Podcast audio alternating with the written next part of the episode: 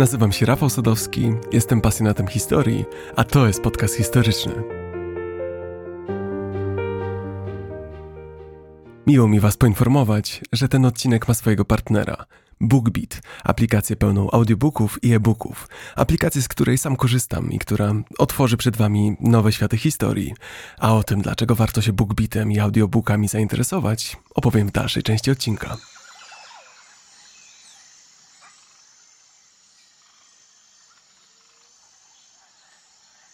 Jest rok 1532, 16 listopada. To dzień, który zapisze się na kartach historii. Znajdujemy się w Cajamarca, mieście położonym na wyżynach dzisiejszego Peru. Powietrze jest gęste, da się wyczuć napięcie, coś wisi w powietrzu. Nagle nadciąga orszak, niepodobny do żadnego innego. To świta Atahualpy, władcy Inków. Samo imię Atahualpa budzi szacunek, respekt i strach – to nie tylko władca, to ucieleśnienie Boga Słońca, Intiego. Widzimy Atahualpę w całej jego królewskiej okazałości. Siedzi na lektyce ozdobionej złotem i drogocennymi kamieniami i spogląda z góry na tysiące zebranych i wpatrzonych w niego Inków.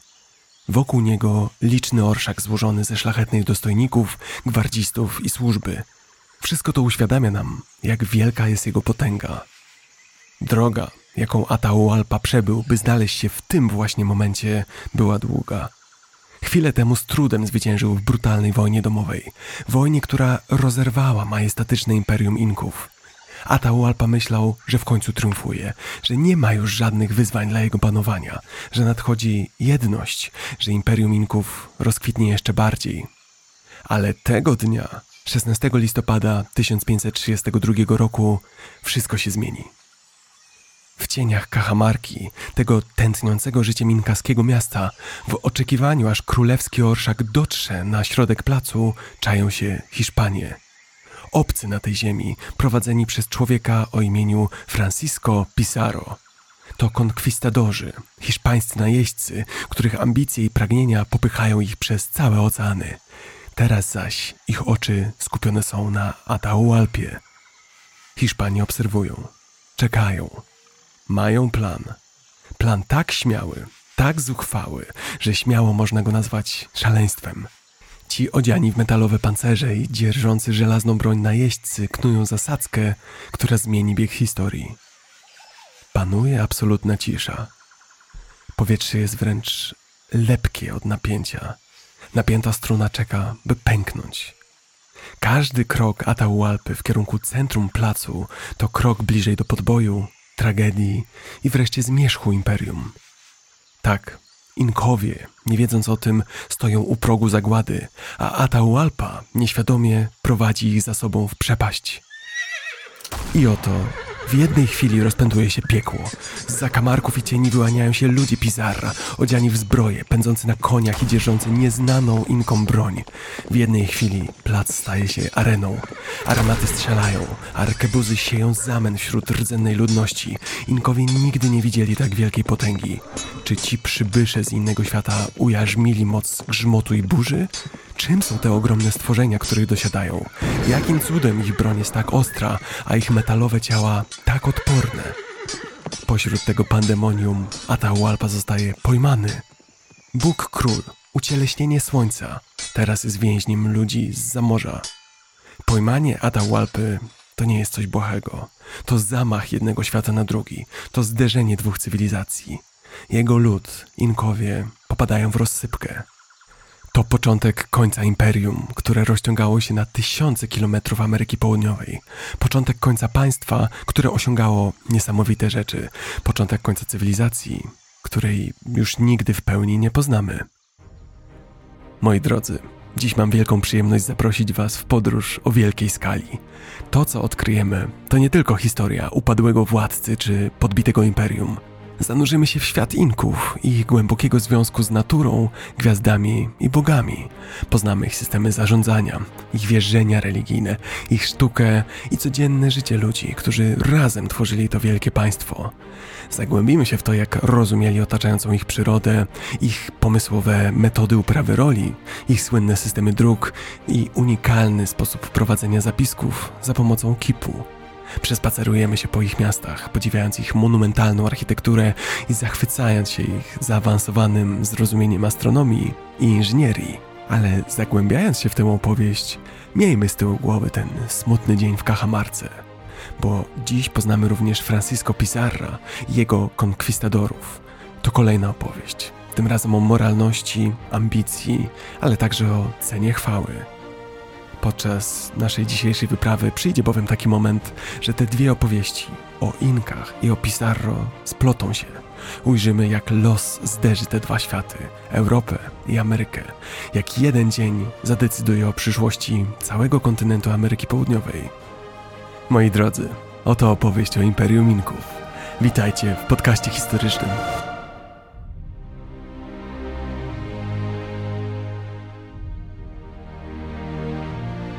Nim zanurzymy się w świat Inków, pozwólcie mi na chwilkę prywaty. Chciałbym Wam powiedzieć, że każdy z Was, decydując się na wsparcie mnie na Patronite, robi coś bardzo ważnego. Swoim gestem mówi mi: Dziękuję za to, co robisz, rób to dalej, jesteśmy z Tobą.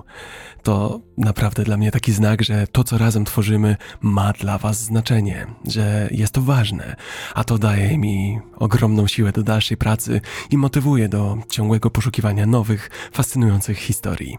Dlatego, drodzy patroni, dziękuję Wam za to. Szczególne podziękowania kieruję do patronów mecenasów. Dzięki waszemu znaczącemu wsparciu, z jeszcze większą odwagą, możemy wspólnie tworzyć coś naprawdę wyjątkowego.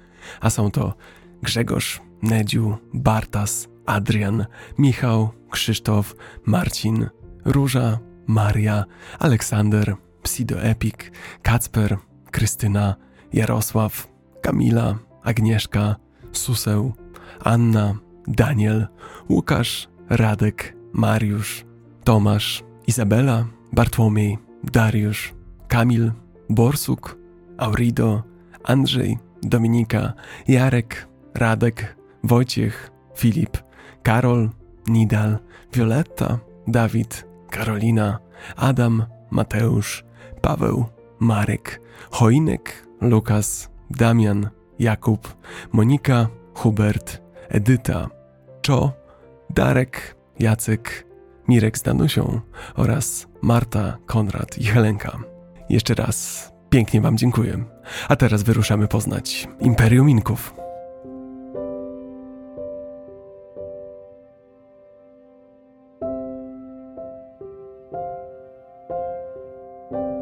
Zdradzę Wam coś. Zawsze, niezmiennie od dziecka, zadziwia mnie to, jak wielki jest nasz świat, na jak ogromnej planecie żyjemy, jak różne kultury, kraje i zwyczaje panują nawet 100 kilometrów od naszego miejsca zamieszkania, a co dopiero w innym kraju, a co dopiero na innym kontynencie. I to jeszcze 500 lat temu.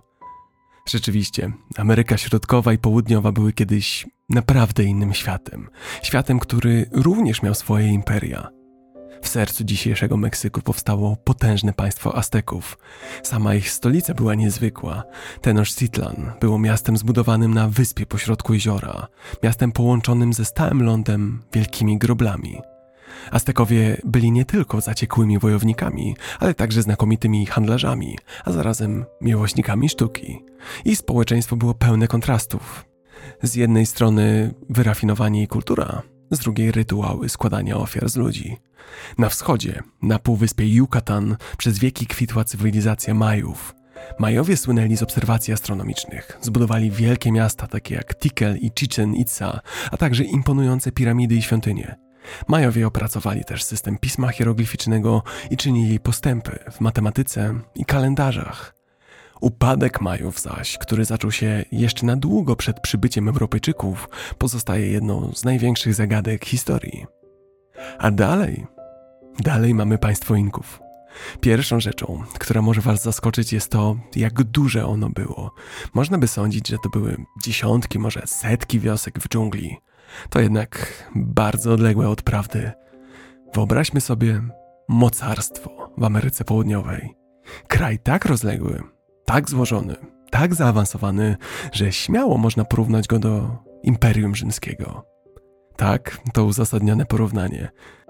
Państwo Inków rozciągało się przez zachodni grzbiet Ameryki Południowej, od dzisiejszej Kolumbii na północy, po Chile na południu.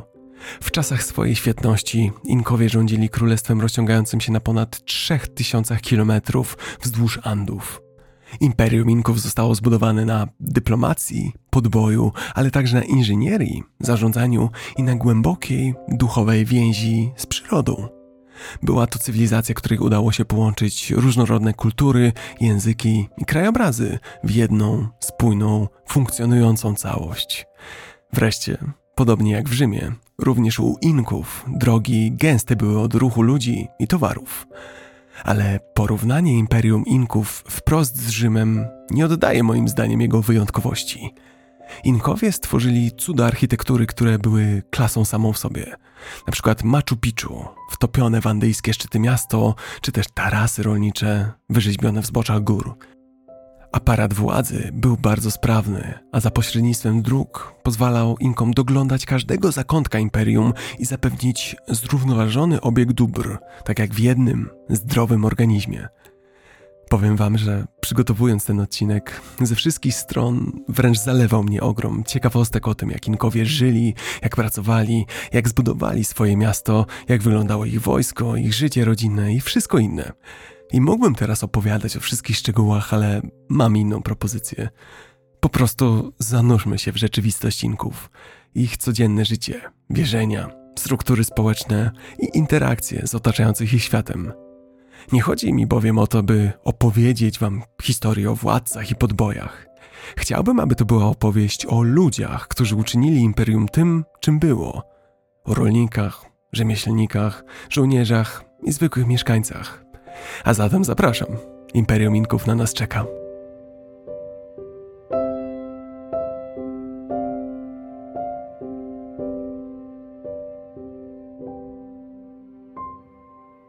Dobrze, to jak to wszystko się zaczęło? Myślę, że najlepszym sposobem na poznanie nowej cywilizacji jest poznanie jej mitu założycielskiego. Podobnie jak my mamy swoją opowieść o Lechu, Czechu i Rusie, tak Inkowie mieli swoje własne mity założycielskie. Najbardziej znane z nich są zaś dwa. Najpierw legenda o braciach Ajar. Ta opowieść zaczyna się od ogromnej powodzi. Po tej powodzi nie zostało nic na świecie i czterej bracia i ich cztery żony wyruszyli w świat – ich misja była jasna: znaleźć i osiedlić się na żyznych ziemiach. To podróż, która miała dać przyszłość Inkom, podróż, która zarazem przyniosła śmierć trzem z nich. Ayar Kachi, znany ze swojej niezwykłej siły i sprytu, wkrótce popadł w konflikt z resztą braci. Jego rodzeństwo przekonało go do powrotu do jaskini, z której przybyli. Gdy ten wszedł do jaskini, jego los został przypieczętowany, wejście zostało zamknięte, a on pozostał w niej na zawsze. Pozostali bracia ruszyli dalej, udając się na górę Juana Kauri. Tutaj natknęli się na posąg kamiennego bożka. Każdy z braci oddał mu hołd, z wyjątkiem Ajara Uczu, który spróbował na posąg się wspiąć. Za karę został przemieniony w kamień. Trzeciego z braci, Ajara Auke, również spotkał podobny los i również w trakcie wędrówki zmienił się w kamień. Historia kończy się, gdy Ajar Manko, ostatni z braci, dotarł do krainy Cusco. Gdy zobaczył tą żyzną i obiecującą krainę, wbił złotą tyczkę w ziemię. To był znak, że w tym miejscu powstanie serce Imperium Inków, Cusco właśnie. A Ajar Manko znany później był jako Manko Kapak. Poznajmy teraz drugą legendę, odrobinę inną. Mówi ona o Manko Kapaku i mamie Oklo, Manko Kapak to ta sama postać, która występuje w pierwszym micie. Manko Kapak i mama Oklo wyłonili się z wód jeziora Titicaca. Przybyli do krainy, w której roiło się już od ludzi. Jak się tu znaleźli? Otóż zostali wysłani przez Boga Słońce, samego Inti, ich misja była jasna, ale wymagająca. Mieli podróżować tak długo, aż znajdą miejsce, w którym ich złota tyczka zatopi się w ziemi. To wskaże żyzny grunt nadający się do założenia imperium, imperium godnego samego słońca. Ich podróż prowadziła w przeciwnych kierunkach. Manko Kapak kierował się na północ, a mama Oklo na południe – po długiej wędrówce spotkali się na wzgórzu Juana Kauri, gdzie ich wyprawa osiągnęła punkt kulminacyjny. To właśnie tam tyczka zapadła się w ziemię, wyznaczając Cusco, miejsce, w którym miało powstać Imperium Inków. Który z tych mitów bardziej wam się podoba? Są one dość podobne, ale mnie bardziej podoba się ten pierwszy. Chyba dlatego, że jest bardziej rodzinny. W końcu opowiada o braciach. Ale niezależnie od preferencji, obie mają jedną wspólną cechę. Historie te przedstawiają społeczeństwo, które ceniło przywództwo, jedność, ufność Bogom i więź z naturą. Mity mitami jednak, a ile z tych legend pokrywa się z historią? Okazuje się, że w tych starożytnych opowieściach jest ziarno prawdy. Manko Kapak najprawdopodobniej rzeczywiście istniał i był przywódcą swojego plemienia. Było to całkiem niedawno, około XII wieku naszej ery. Kiedy nasi przodkowie walczyli pod Głogowem i przeżywali rozbicie dzielnicowe, Inkowie pod przywództwem legendarnego Manko Kapaka kładli podwaliny pod miasto państwo Cusco. Był to skromny początek, ziarno, z którego wyrosło potężne imperium – w połowie XV wieku pod przywództwem Sapa Inki, czyli najwyższego władcy, władcy o imieniu Pachacuti, to małe miasto-państwo rozpoczęło niezwykłą transformację. Pachacuti oznacza ten, który zmienia świat i imię to było w pełni zasłużone. Pachacuti rozpoczął serię podbojów, które rozszerzyły panowanie Inków daleko poza ich pierwotne granice. Pachacuti przekształcił niewielkie królestwo Cusco w potężne imperium. I naprawdę tu nie przesadzam. Państwo Inków w szczytowym momencie rozciągało się od dzisiejszego Ekwadoru na północy, przez Peru, zachodnią część Boliwii, południową część Kolumbii, północne Chile i północno-zachodnią Argentynę. Za jego panowania Inkowie stali się największym państwem w prekolumbijskiej Ameryce Południowej. Pachacuti nie był jednak tylko zdobywcą, był też wizjonerem. Uczynił z Cusco serce Tawatinsuyu, czyli systemu politycznego, bardzo nowoczesnego jak na tamte czasy. Tawatinsuyu opierało się na rządzie centralnym kierowanym przez władcę, Sapa Inkę. Ten władca był wspierany przez cztery rządy prowincjonalne, z których każdy miał swojego lidera. Te cztery prowincje łączyły się w Cusco, sercu tego imperium. Ale w jaki sposób Pachacuti rozszerzał państwo? Wbrew pozorom nie były to bezmyślne podboje. Było to możliwe dzięki połączeniu dyplomacji, szpiegostwa i taktyki. Najpierw Pachacuti wysyłał swoich szpiegów do ludów jeszcze niepodbitych, tak żeby ich poznać. Zbierano informacje na temat ich organizacji politycznej, siły militarnej i bogactwa. Następnie, wiedząc jak funkcjonują i przede wszystkim czego im brakuje, Pachacuti wyciągał rękę do tych przywódców, oferował im luksusowe towary i obietnice materialnego bogactwa pod rządami Inków. I wielu z nich zgadzało się, widząc korzyści płynące z dołączenia do rosnącego, sprawnie zarządzanego imperium. Takie podejście przede wszystkim pokojowo, a nie podbojem, nie tylko rozszerzało państwo Inków, ale także pomogło asymilować lokalnych przywódców, a to ułatwiało późniejsze rządzenie. I jak to bywa z wielkimi przywódcami, syn Paczakutiego, Tupac Inka, wzorował się na swoim ojcu i kontynuował to dziedzictwo. Jego rządy charakteryzowały się dalszą ekspansją imperium. Tupac Inka rozszerzył granice jeszcze dalej na północ, do dzisiejszej Kolumbii, jak również dalej na południe, do centralnego Chile i Argentyny. W wyniku jego kampanii Inkowie osiągnęli szczyt swojej mocy i terytorialnego zasięgu. Jak widzicie, państwo Inków, Tawatinsuyu, Imperium czterech części było mozaiką języków, kultur i ludów. Co ciekawe, nie zawsze było ono jednorodnym tworem. Weźmy na przykład Chimu. Chimu byli ludem, który używał pieniędzy w handlu, w przeciwieństwie do inkaskiej gospodarki opartej na wymianie.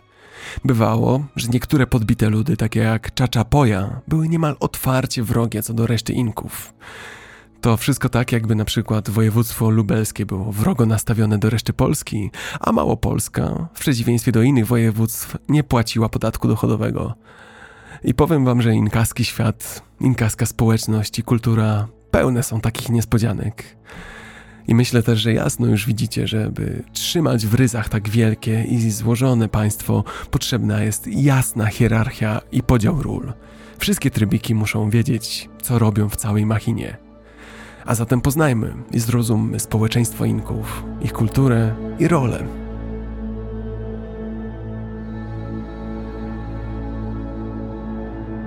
U Inków istniały trzy główne klasy społeczne: władca i jego najbliższa rodzina, szlachta oraz zwykli ludzie. Najpierw władca. W hierarchii społeczeństwa Inków postacią, która panowała najwyżej, był władca znany jako Sapa Inka. Panowanie Sapa Inka było absolutne, a wszystko w imperium było uważane za jego własność. Żył w niezwykłym luksusie. Rezydencja Sapa Inki była ozdobiona bujnymi ogrodami, posągami wykonanymi ze złota. Nie brakowało też naczyń z metali szlachetnych. Sapa Inka był uważany za potomka Inti, boga słońca. Był postacią tak poważaną, że jego poddani nie ośmielali się spojrzeć mu prosto w oczy. Był noszony na złotej lektyce, by nie stąpał po ziemi jak inni. A jeśli chodzi o jego życie osobiste, Sapa Inka mógł mieć wiele żon. To skutkowało rzecz jasna rozległą linią rodową. Szczególny status zarezerwowany był jednak dla jego pierwszej żony, czyli Koi. Dalej była szlachta – Inkaska szlachta rangą była tuż pod rodziną królewską. Dzieliła się na dwie podgrupy. Ta najwyższa szlachta pracowała na szczeblu centralnym, gdzie podejmowała decyzje dotyczące całego imperium. Można powiedzieć, że to był taki rząd współpracujący z władcą, sapą Inką. Niższa szlachta zaś zarządzała mniejszymi prowincjami. Szlachta sama nie musiała płacić podatków i miała wiele przywilejów. Szlachcice otrzymywali ziemię, służbę, posiadali lamy i wykwintne ubrania, mogli także zawierać poligamiczne małżeństwa. Na koniec trzecia grupa, zwykli ludzie. Ailu, czyli rody, stanowili całą pozostałą część społeczeństwa Inków. Ailu zajmowali się głównie rolnictwem i hodowlą zwierząt. Jak to wszystko tworzyło jedną całość? Otóż Inkowie mieli centralnie planowaną gospodarkę, która umiejętnie zarządzała pracą i zasobami. Praca zbiorowa była podstawą gospodarki i tworzenia bogactwa. Dzięki takiej wspólnej pracy ludzie w Ailu tworzyli takie bogactwo, że Hiszpanie byli zdumieni tym, co napotykali. Od każdego obywatela wymagano wkładu pracy, a odmowa lub lenistwo były karane śmiercią. Co więcej, Inkowie nie używali pieniędzy, Wydaje się to niezwykłe, ale oni naprawdę ich nie potrzebowali. Ich gospodarka była tak efektywnie zaplanowana, że każdy obywatel miał zaspokojone swoje podstawowe potrzeby. Wymiana odbywała się za pomocą systemu barterowego, w którym ludzie handlowali ze sobą za rzeczy, których aktualnie potrzebowali. Każde ILO specjalizowało się w produkcji określonych produktów, w zależności gdzie się znajdowało. Ailu rolnicze znajdowały się w pobliżu żyznych ziem i produkowały uprawy zoptymalizowane pod kątem danego rodzaju gleby. Ich produkcja była dalej przekazywana państwu, które z kolei redystrybuowało ją do innych lokalizacji, w których dany produkt nie był dostępny. Nadwyżki były przechowywane w kolkas, magazynach wzdłuż dróg i w pobliżu skupisk ludności. W zamian za swoją pracę obywatele państwa inkaskiego mieli zaś zagwarantowany dostęp do owoców pracy innych Ailu. Możecie to sobie wyobrazić tak, jakby w Polsce nie było zakładów pracy, fabryk, korporacji czy nawet sklepów spożywczych. Zamiast tego wszyscy z 40-milionowej populacji pracowalibyśmy wspólnie, w rodzinach i dzielilibyśmy się z sąsiadami efektami swojej pracy. Teraz już rozumiecie, jak różna to była cywilizacja, jak naprawdę inny to był świat. I nawet to, jak wyglądała praca w grupie, Inkowie podzielili w unikalny dla siebie sposób. Istniały trzy główne sposoby organizacji pracy zbiorowej. Pierwszym z nich był Aini. To była pomoc członkowi społeczności, który aktualnie był w potrzebie. Pomoc w budowie domu albo pomoc choremu członkowi wspólnoty to właśnie przykład Aini. Drugim sposobem wspólnej pracy była minka. To praca zespołowa na rzecz całej społeczności. Przykłady minka to budowanie tarasów rolniczych, czyszczenie kanałów irygacyjnych. Trzecim sposobem pracy była mita. To był tak naprawdę podatek płacony inkaskiemu władcy. A jak taki podatek zapłacić, skoro nie ma waluty? Ponieważ nie było pieniędzy, podatki płacono plonami, bydłem, tekstyliami, a zwłaszcza pracą. Mita to taka trochę obowiązkowa służba wojskowa, tyle że do prac publicznych. Mogliście zostać powołani tymczasowo jako rolnicy, posłańcy, żołnierze, budowniczowie dróg albo cokolwiek innego, co wymagało pomocy w państwie Inków. Była to rotacyjna i tymczasowa służba, którą każdy członek Ailu musiał pełnić. Budowano świątynie i pałace, kanały do nawadniania, tarasy rolnicze, drogi czy mosty. A w zamian, jak wspomniałem, Rząd zapewnia wam żywność, odzież i lekarstwa.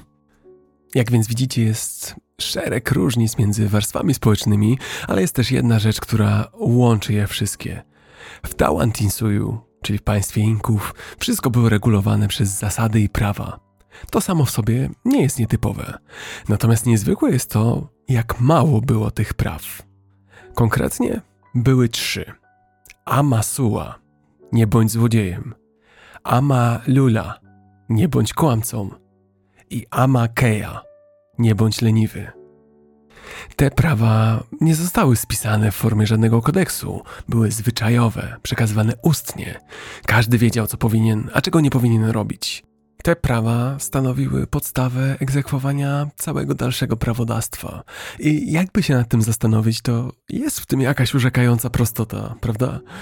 Te prawa są zresztą bardzo adekwatne i dziś, nie zestarzały się przecież. Natomiast z pewnością nie egzekwujemy ich jak Inkowie. U Inków każde naruszenie prawa było uważane za działanie przeciwko Bogom. Nie istniał system więziennictwa. Przestępcy byli karani tak, aby kara była przykładem dla reszty populacji. Często stosowano okaleczanie i karę śmierci, np. zrzucanie z klifu. Ci, którzy przeżyli karę, byli na marginesie społeczeństwa. Musieli przez resztę swojego życia opowiadać swoją historię, a ci, którzy byli zainteresowani słuchaniem, dawali owym nieszczęśnikom jedzenie w formie zapłaty, napiwku. Można więc powiedzieć, że przetrwanie przestępców zależało od tego, jak wciągające i przekonujące były ich historie o tym, że nie warto łamać prawa. Prawo mamy za sobą, a teraz opowiem Wam trochę o inkaskiej religii, o rytuałach i świątyniach, ale też o tym, co działo się po śmierci.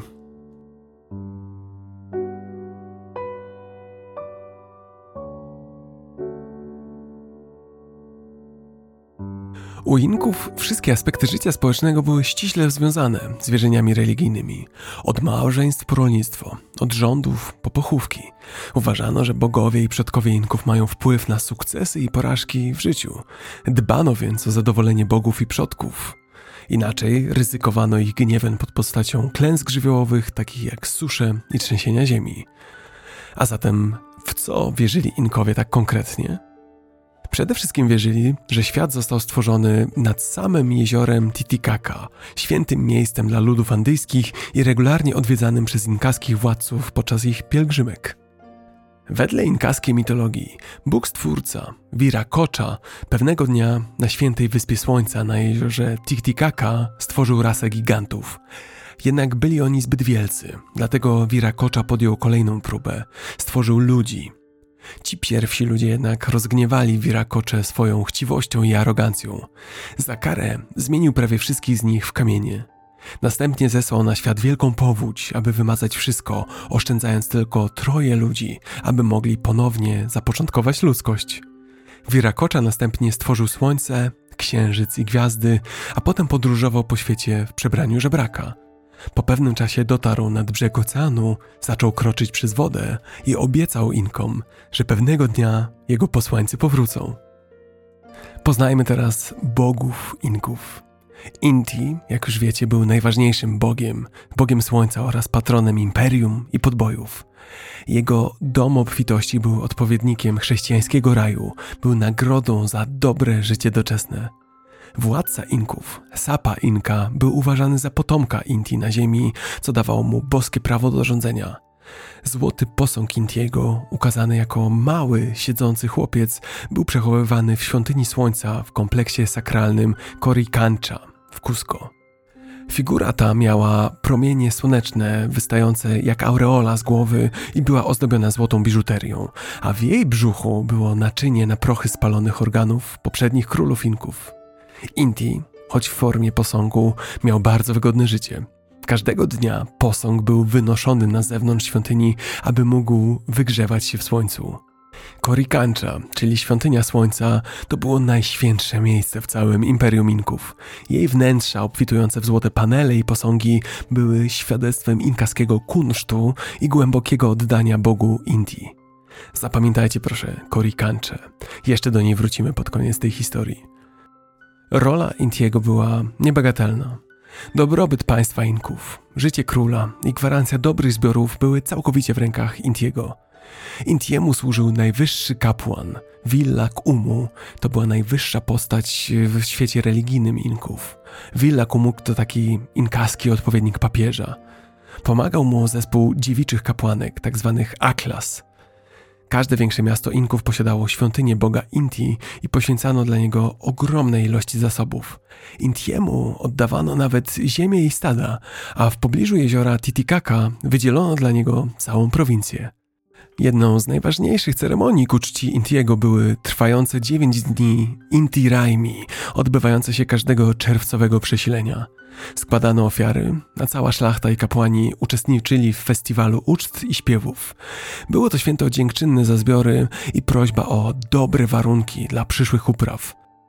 Ale oprócz Intiego, w świętym kompleksie Korykancza znajdowały się również świątynie innych bogów. Na przykład Mama Kilia była boginią księżyca, opiekunką kobiet i patronką małżeństw oraz cyklów menstruacyjnych. Illapa zaś przynosił burzę, kiedy używał swojej procy, to słychać było grzmot, a błyskawica to światło odbite na jego srebrnych szatach. Wirakocza to Bóg Stwórca, jego już znacie. Czaska Koilor była inkaskim uosobieniem planety Wenus, opiekunką dziewic i kwiatów. A Kyuchu, Kyuchu to chyba mój ulubiony Bóg Inków. Był on opiekunem tęczy, ale lubię go właśnie dlatego, że u Inków tęcza musiała mieć swojego opiekuna. Otóż wedle Inków to nie był dobry symbol, gdy na niebie pojawiała się tęcza.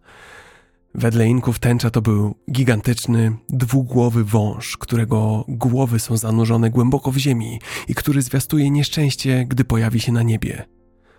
I pomyśleć, że jako dziecko zawsze chciałem dotrzeć do miejsca, gdzie zaczyna się tęcza. Kto wie, co bym tam zastał. Idąc dalej, Pacia Mama to inkaska Matka Ziemia. To dobra bogini, której rolnicy budowali kamienne ołtarze pośród pól, aby mogli łatwo składać ofiary w nadziei na dobre zbiory.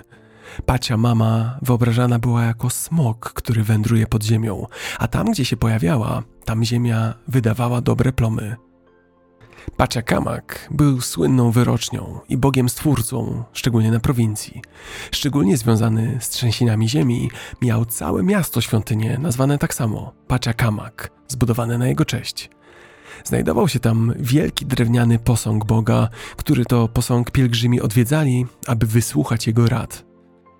Wreszcie mieszkańcy wybrzeża szczególnie wysoko cenili Mama Kocie, matkę jezior i mórz. To do niej niesiono prośby o to, by wody zawsze były obfite w ryby. Bogów u Inków było rzecz jasna znacznie więcej i mieli oni ponad 400 świątyń w samym Cusco.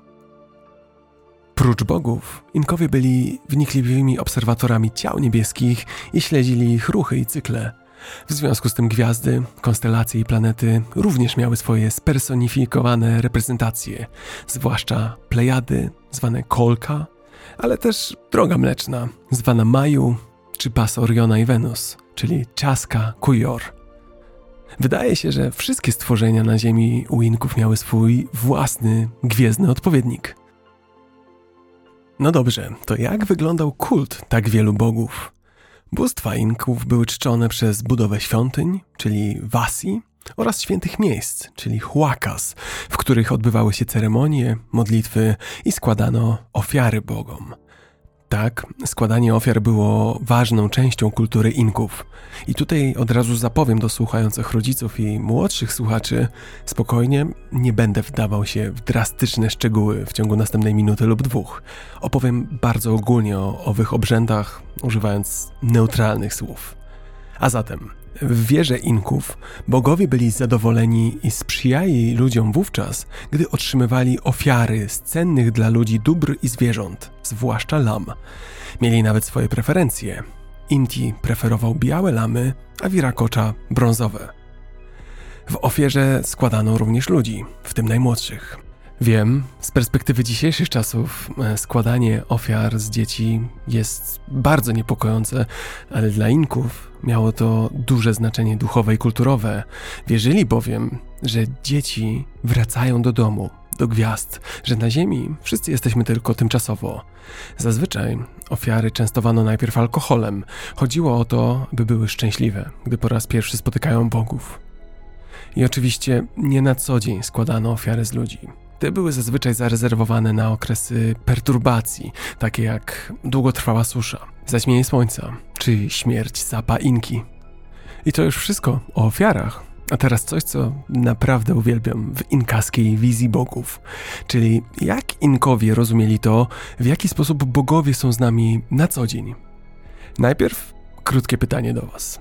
Czy też tak macie, że po wielu godzinach siedzenia w jakimś pomieszczeniu, przy sztucznym świetle, gdy w końcu wychodzicie na zewnątrz, gdy czujecie promienie słońca na twarzy, wiatr we włosach, to czy wówczas też czujecie coś wyjątkowego? Coś bardzo przyjemnego?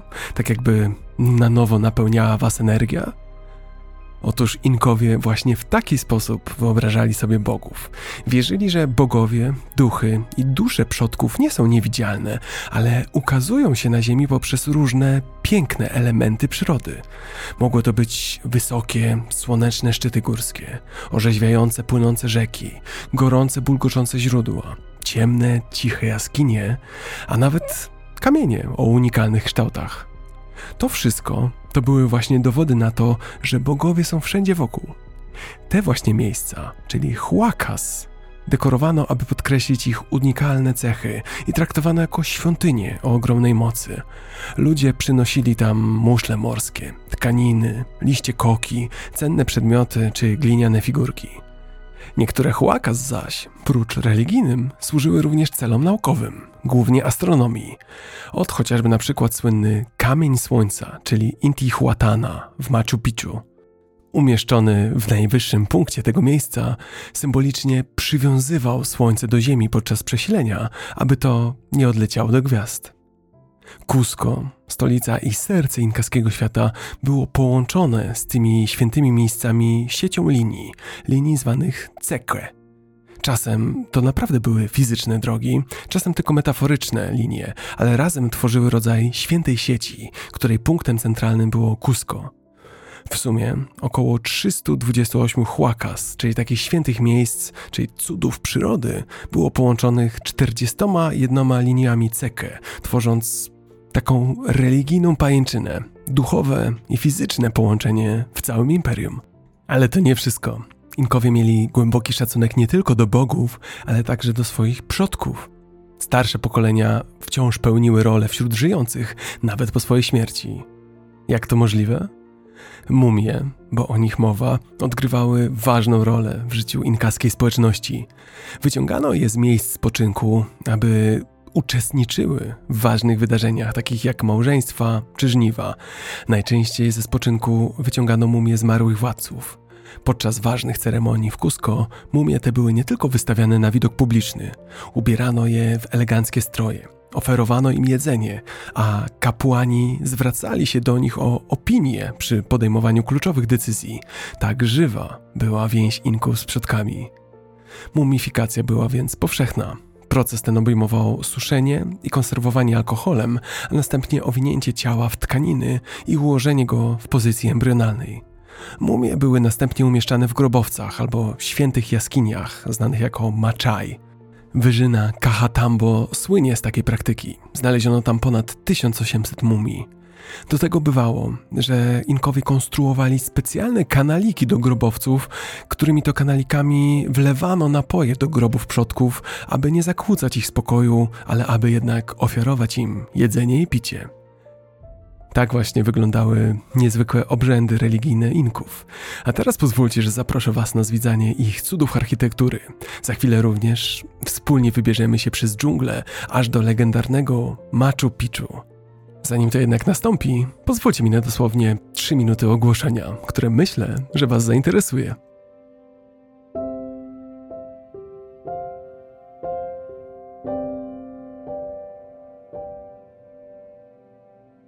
Jak pamiętacie, jakiś czas temu zapowiadałem, że wraz z moim przejściem na pełen etat z podcastingiem, współprace reklamowe mogą się pojawiać, ale że zawsze będzie to przemyślana decyzja i coś, pod czym z czystym sumieniem mogę się podpisać. Dlatego miło mi Was poinformować, że mam okazję ponownie zareklamować aplikację, z której sam korzystam i którą po prostu polecam. Coś, co na stałe zmieniło mój sposób konsumowania książek. Od przeszło pół roku korzystam z BookBeat, aplikacji, która stała się moim towarzyszem w odkrywaniu nowych audiobooków i e-booków. Powiem wam, że to całkiem niesamowite, jak łatwo mogę się teraz zanurzyć w świecie literatury, nawet kiedy biegam, spaceruję czy jadę samochodem. BookBeat, podobnie jak podcasty, pozwala Wam zanurzyć się w głębinach narracji, niezależnie czy jesteście w podróży, pracy, czy też odpoczywacie w domowym zaciszu. Według mnie BookBeat faktycznie ma wartość dodaną. To wygodna, dopracowana aplikacja, a także znane nazwiska czytające książki audio. Jeśli lubicie podcasty, jest bardzo duża szansa, że polubicie audiobooki. A jak to sprawdzić? Bardzo prosto. Oto propozycja. Przy rejestracji BookBeat oferuje wszystkim moim słuchaczom możliwość bezpłatnego korzystania i słuchania audiobooków przez całe 30 dni za darmo. Wystarczy wejść na bookbeat.pl i przy rejestracji użyć kodu podcast historyczny pisane razem. Link i kod macie też w opisie odcinka oraz na ekranie, więc możecie po prostu kliknąć w link. A potem wystarczy już pobrać aplikację BookBeat na swój telefon i można słuchać. Wówczas w pakiecie Basic macie 20 godzin słuchania audiobooków za darmo w okresie tych 30 dni. I to naprawdę sporo. Wystarczy na odsłuch dwóch krótszych książek lub jednej naprawdę długiej. I pozwólcie, że przy okazji polecę Wam dwie książki, których słuchałem i które szczególnie mnie urzekły. Jeśli chcielibyście pozostać w temacie historii, to Twierdza szyfrów Bogusława Wołoszańskiego to lekcja, jakiej nie znajdziecie w żadnych podręcznikach. Druga wojna światowa, teorie spiskowe, naziści, szyfry.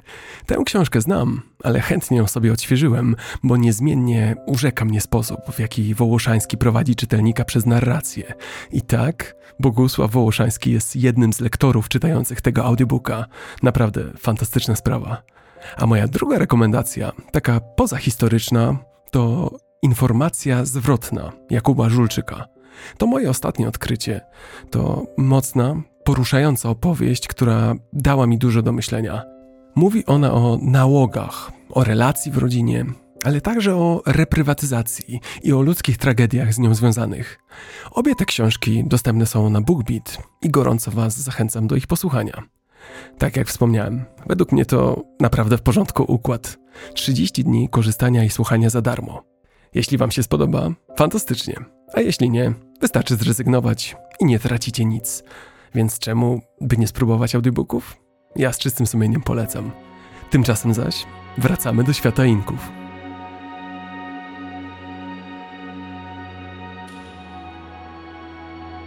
Inkowie byli cywilizacją, pod którą w XVI wieku podlegało nawet 12 milionów ludzi. To dwa razy więcej niż u Azteków, to jedna czwarta całej dzisiejszej ludności Polski. Nic więc dziwnego, że wypracowali imponujące techniki budowlane, zbudowali systemy drogowe i wreszcie górskie miasto Machu Picchu. W szczytowym okresie kontrolowali większość wybrzeża Ameryki Południowej. Przyjrzyjmy się zatem nieco, jak budowali swoje państwo, bo nie były to prymitywne lepianki, o nie.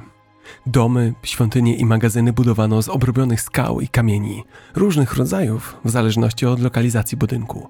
Dachy budynków zaś były kryte strzechą, ale chyba najbardziej niezwykłe jest to, że Inkowie wierzyli, że ziemia, na której żyją i budują, jest święta.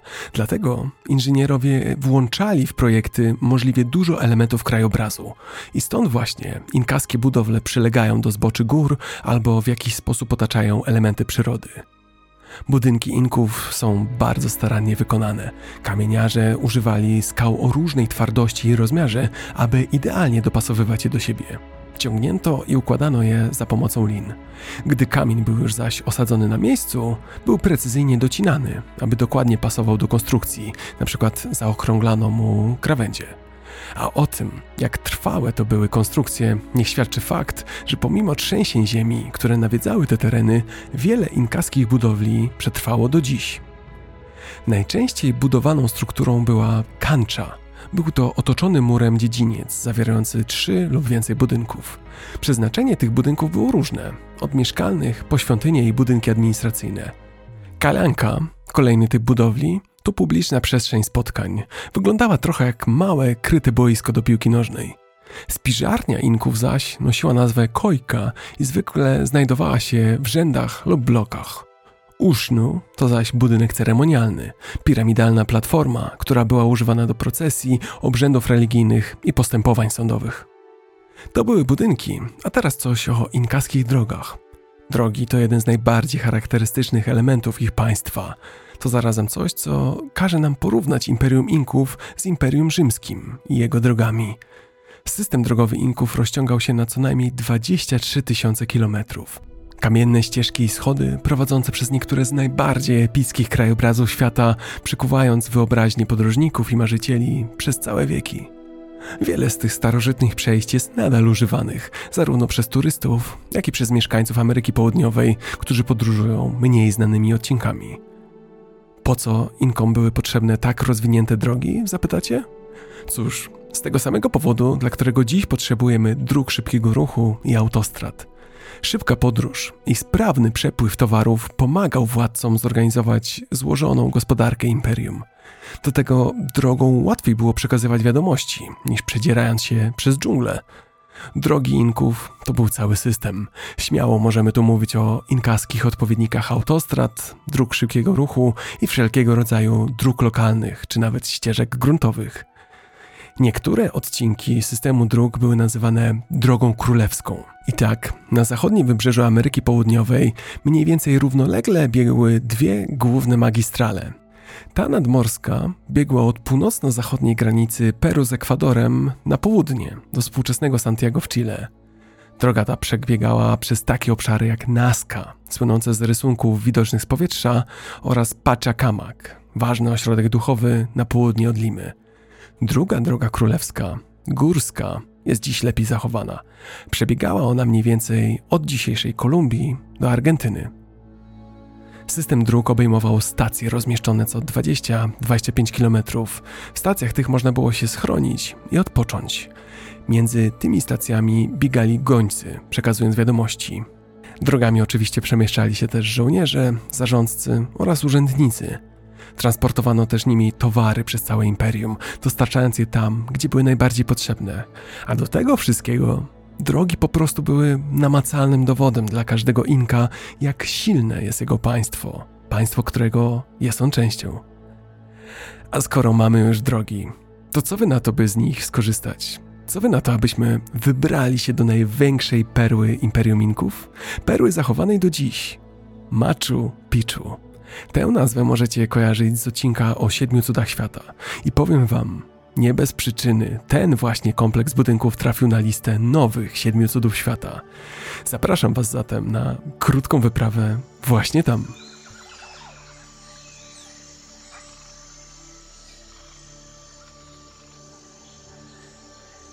Wyruszamy na wędrówkę do jednego z najbardziej fascynujących miejsc na świecie Machu Picchu.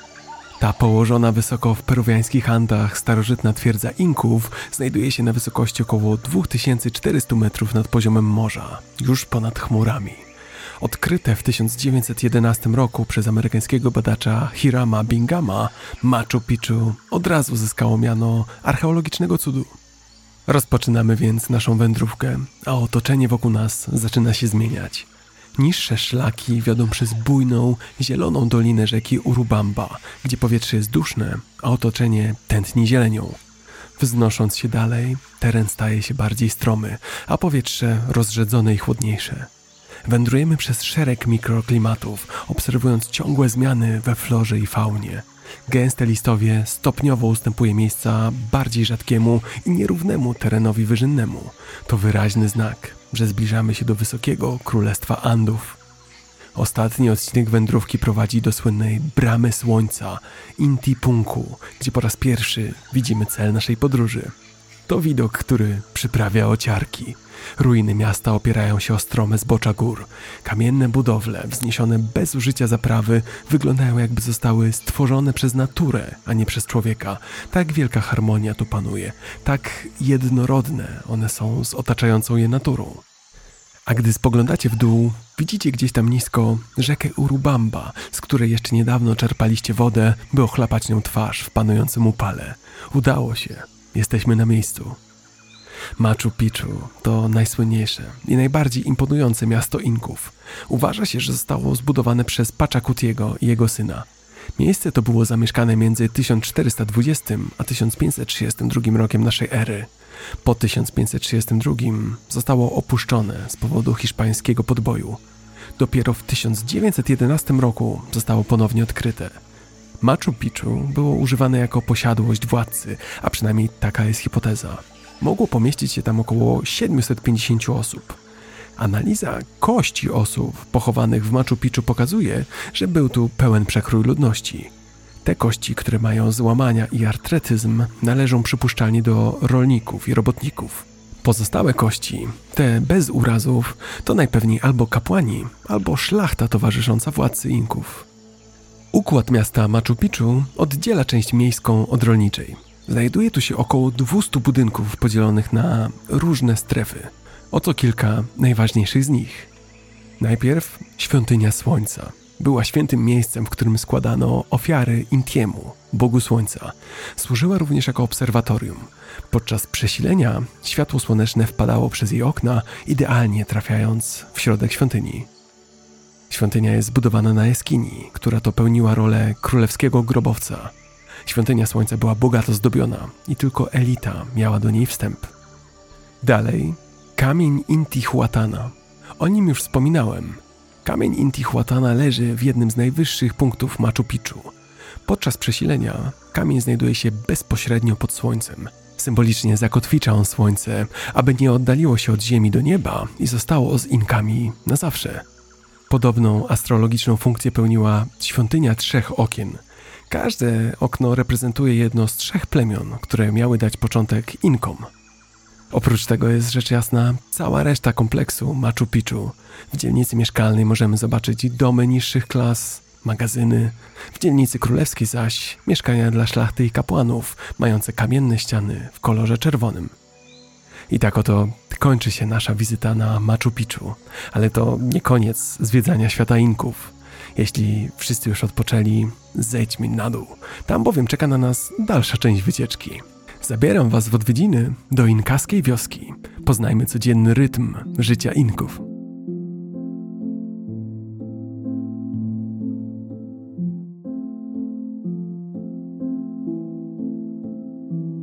Zapraszam Was do inkaskiej wioski. Poranne słońce wschodzi nad Andami, rzucając pierwsze złote promienie na osadę. Rozpoczyna się nowy dzień. Wioska budzi się przy dźwiękach beczenia lam i gdakania kur. Dym leniwie unosi się z krytych strzechą domów, gdzie rozpalane są ogniska na cały dzień gotowania. Powietrze wypełnia aromat kukurydzy i komosy ryżowej przygotowywanych na poranny posiłek. Kobiety umiejętnie kierują tymi zadaniami. Mężczyźni natomiast szykują się do pracy na polach, niosąc proste narzędzia wykonane z drewna i kamienia. Rolnictwo jest siłą napędową wioski, a każdy jej członek odgrywa rolę w pielęgnacji tarasowych pól, które spinają się po zboczach gór. Sadzą, pielęgnują i zbierają plony, takie jak ziemniaki, kukurydza i papryka. Tak właśnie wygląda wspólna praca w Ailu, a owoce tej pracy są dzielone między społecznością. Małe inkaskie dzieci, pełne energii i ciekawskie, biegają po wiosce i próbują niezdarnie naśladować dorosłych. Starszyzna patrzy na nie z uśmiechem. To one w przyszłości będą kontynuować tradycje Inków. Tymczasem zaś ich edukacja rozpoczyna się w domu, gdzie uczą się umiejętności i wiedzy niezbędnych do życia w wiosce. Ale nie tylko rolnicy odgrywają istotną rolę. Rzemieślnicy tkają kolorowe tkaniny, układając skomplikowane wzory opowiadające o ich kulturze i wierzeniach. Garncarze lepią z gliny naczynia. Starsi zbierają się, by dzielić się historiami i mądrością, przekazując ustną historię swojego ludu. Szamani zaś odprawiają rytuały i palą kadzidła, oferując bogom modlitwy i ofiary, aby zapewnić dobrobyt wiosce. W miarę upływu dnia Inkowie powoli wracają z pracy. Rynek ożywa, a mieszkańcy wioski handlują towarami, dzielą się wiadomościami i wzmacniają więzi społeczne. U Inków wszystko polega na wspólnocie i wzajemnym wsparciu. A kiedy zachodzi słońce, wioska zbiera się na wieczorny posiłek, czas wspólnych spotkań i refleksji. Rodziny dzielą się historiami z całego dnia, a śmiech odbija się echem po zasypiającym krajobrazie Andów.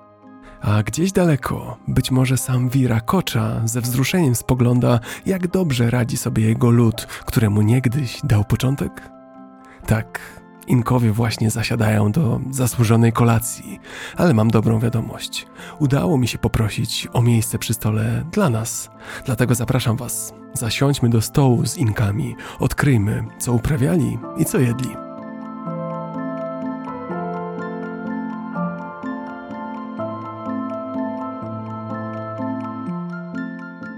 Rolnictwo Inków nie było prostym zadaniem. Odbywało się ono w środowiskach zróżnicowanych i niesprzyjających. Częste były mrozy i susze. Co więcej, imperium Inków miało raptem 2% ziemi nadającej się pod rolnictwo.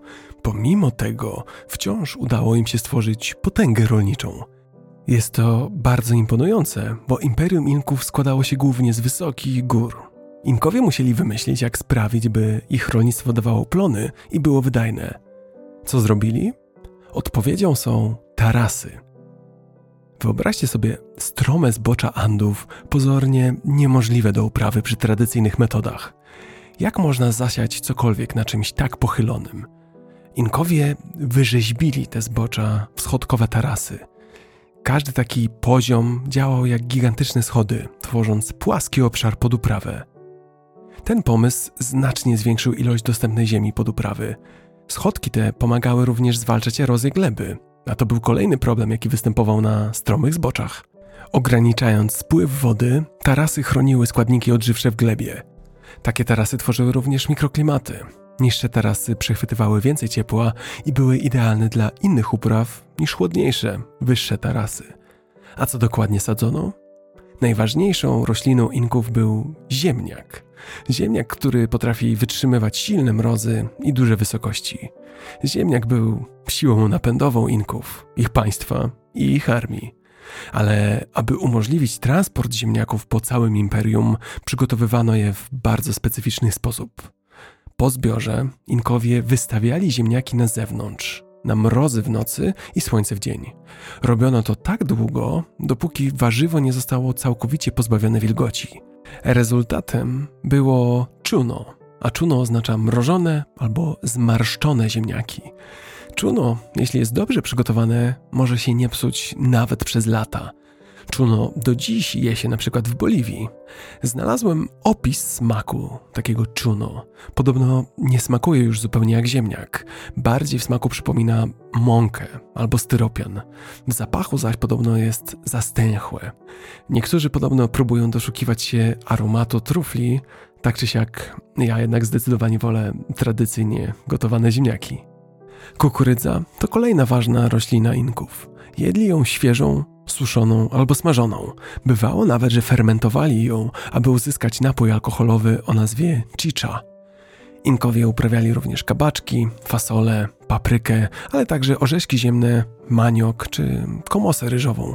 Choć trudno jest nam precyzyjnie określić, jaki procent współczesnych produktów rolnych na świecie pochodzi bezpośrednio od Inków, to nie ulega wątpliwości, że ich wkład w globalną różnorodność żywnościową jest znaczący. A pod koniec każdych żniw odbywał się Festiwal Słońca. Wówczas Inkowie dziękowali za udane zbiory i modlili się, by ziemia przyniosła jeszcze lepsze plony w następnym sezonie. Oczywiście oprócz upraw, Inkowie posiadali i udomawiali zwierzęta, przede wszystkim alpaki i lamy – te urocze, południowoamerykańskie zwierzęta zawsze były istotną częścią cywilizacji Inków. Jest wiele powodów, dla których Inkowie cenili te sympatyczne zwierzaki. Po pierwsze, ich runo.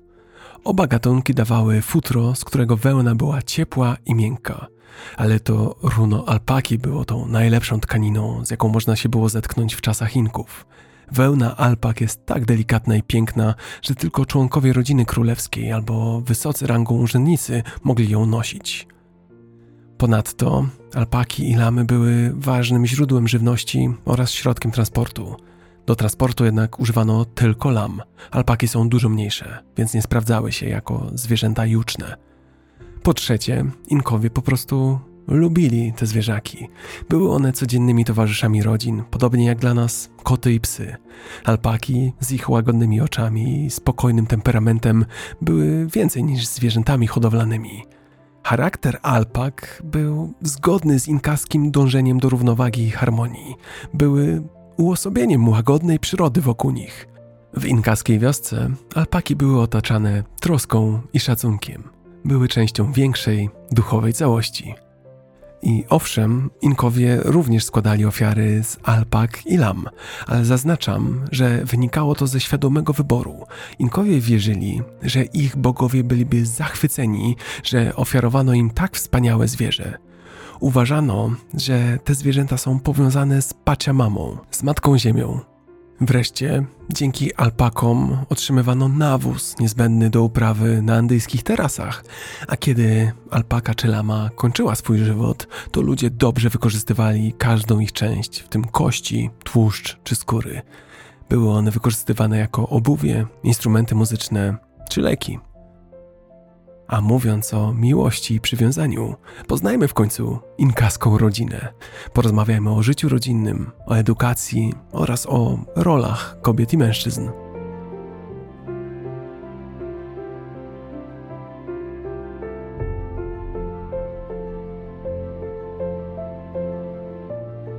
Rodzina była fundamentem społeczeństwa Inków, a silne więzi łączyły nawet te dalsze relacje – nie przesadzam. Słowo ojciec i wujek u Inków oznaczało to samo, podobnie jak matka i ciotka, a słowo kuzyn oznaczało to samo, co brat i siostra. Rodzina mogła nieraz składać się z członków całego Ailu. Małżeństwo poza tą grupą było bardzo rzadko praktykowane, więc wszyscy członkowie Ailu byli w praktyce spokrewnieni.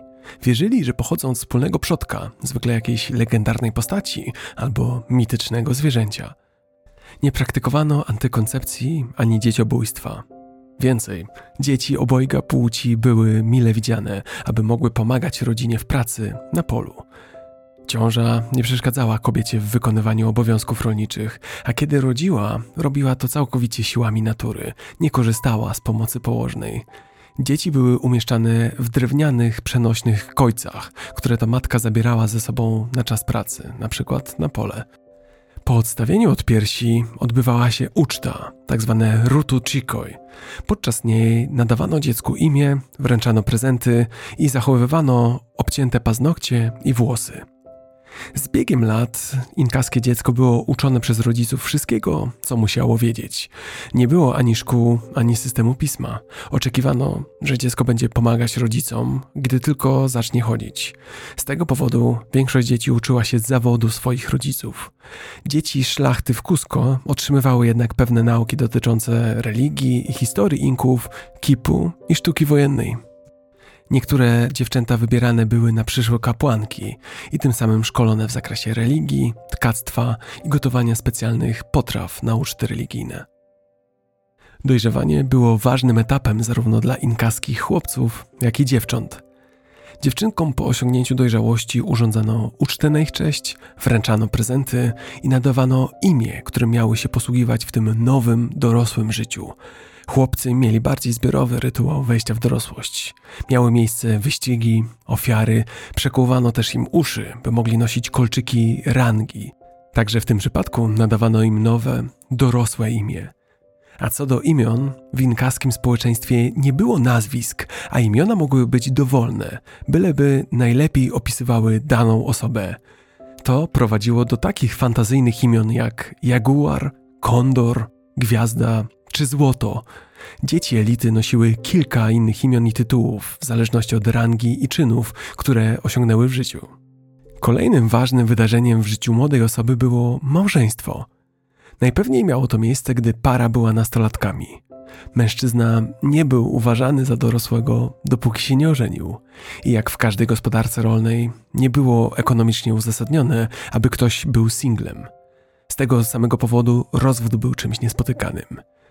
Wydaje się, że wybór partnera zależał w dużej mierze od zainteresowanych osób i był konsultowany z ich rodzicami. Kiedy ojciec dziewczyny przyjmował tradycyjny dar liści koki od chłopca, małżeństwo dochodziło do skutku. Ceremonie ślubne jednak nie były organizowane dla pojedynczych par. Raz w roku wszyscy biorący ślub w danym ailu świętowali razem – co ciekawe, u Inków bywały również elementy postępowe. W niektórych regionach istniała możliwość zawierania próbnych małżeństw. W takiej sytuacji para mieszkała razem przez krótki czas, zanim podjęła pełne zobowiązanie małżeńskie. Ponieważ dziewictwo nie było szczególnie cenione u Inków, dziewczyna nie ponosiła żadnych konsekwencji z powodu nieudanych prób małżeństwa. Po zakończeniu ceremonii ucztowania i wymiany prezentów, panna młoda przeprowadzała się do nowego domu i rozpoczynano uprawę ziemi, którą mąż otrzymał po urodzeniu. Dom rodzinny to był prosty budynek o ścianach z cegły suszonej, z dachem krytym strzechą, pojedynczymi, niskimi drzwiami i bez okien. Wewnątrz znajdowało się centralne palenisko, a łóżka wykonane były ze skóry lam. Przestrzeń mieszkalna była podzielona na dwa obszary. Jeden do spania, a drugi do gotowania. Czasem trzymano tam też zwierzęta domowe, takie jak świnki morskie. A zatem mamy już taką nową komórkę społeczną w inkaskim społeczeństwie. Jakie więc były codzienne obowiązki? Jak wyglądał taki przeciętny dzień? W zależności od tego, gdzie dane ailo się znajdowało, obie płcie pracowały na polach przy użyciu prostych narzędzi, hodowały zwierzęta albo łowiły ryby czy polowały. Oprócz pracy lokalnej, mężczyźni mogli być zobowiązani do pracy państwowej, do budowania dróg inków lub uprawy roli na ziemiach państwowych. Bywało, że byli również zaciągani do wojska. Kiedy tak się działo i mężczyzna opuszczał rodzinę, sąsiedzi solidarnie pomagali tej rodzinie, aby gospodarstwo nadal funkcjonowało. Od kobiet oczekiwano nadto przygotowywania posiłków, opieki nad dziećmi oraz sprzątania i tkania. Jeśli chodzi o ubrania, mężczyźni nosili spodnie, czyli huara, koszule bez rękawów i w razie potrzeby wełnianą pelerynę. Kobiety nosiły długą tunikę z paskiem, czyli anaku. Obuwie, jeśli w ogóle noszone, miało formę sandałów. Posiłki u Inków były wyczekiwane i celebrowane, wszak spożywano wszystko to, co dała natura, a więc bogowie. Kto wie, czy kolejnego dnia wszyscy doczekają takiej łaski. Przy stole spotykano się dwa razy dziennie, raz rano i ponownie wieczorem. Dieta była w dużej mierze wegetariańska, a mięso było zarezerwowane na specjalne okazje. Społeczności przybrzeżne miały nadto dostęp do owoców morza. A jeśli chodzi o jedzenie, to wspomniana quinoa, czyli komosa ryżowa, kukurydza oraz ziemniaki. Jedzono również owoce, w które te rejony obfitują. Ale nie samą pracą człowiek żyje, prawda? U Inków wspólnota była podstawą. Najczęściej gromadzono się na publicznych ceremoniach religijnych i uroczystościach związanych z kalendarzem rolniczym. Picie piwa chicha było główną atrakcją. Do tego taniec, ważny element tych uroczystości. Tancerze odgrywali takie czynności jak polowanie, zasiewy czy bitwy. Wydaje się, że u Inków rozrywki jako takie były nieliczne, ale możemy znaleźć dowody na uprawianie sportów, takie jak bieganie, skakanie, gry planszowe i hazard przy użyciu kości. Recytowanie poezji, opowiadanie mitów i śpiewanie tradycyjnych ballad to inne popularne rozrywki. A co się działo, gdy bliscy w końcu opuścili tę ziemię? Trochę już o tym wspominałem. Inkowie nie zapominali o swoich bliskich nawet po śmierci. Byli mumifikowani i pieczołowicie przechowywani, tak aby można ich było ponownie wystawić na widok publiczny podczas regularnych ceremonii. Mumie układano w pozycji embrionalnej i owijano w szlachetne tkaniny, jeśli tylko rodzina mogła sobie na to pozwolić. Dobytek zmarłego i narzędzia, których używał za życia, były również grzebane wraz z nim albo czasem palone rytualnie. Ceremonia pogrzebowa mogła trwać nawet tydzień, a w przypadku szlachty żony i słudzy zmarłego byli czasem poświęcani, aby towarzyszyć mu w przyszłym życiu. Mumie spoczywały w grobowcach lub były umieszczane w jaskiniach. Dzieci chowano w ceramicznych urnach. Obowiązywał okres żałoby, nawet do roku w przypadku szlachty w Cusco. Podczas żałoby noszono czarne ubrania, a kobiety nakrywały głowy. Mężczyzna nie mógł ożenić się ponownie w ciągu roku od ceremonii pogrzebowej swojej pierwszej żony. Grobowce były regularnie otwierane, aby złożyć mumiom ofiarę jedzenia i picia. A skoro mowa o śmierci, to jakiej zapobiegano? Jak Inkowie się leczyli i walczyli z chorobami? Przed wami fascynująca medycyna Inków. Medycyna oparta, a jakże, o naturę.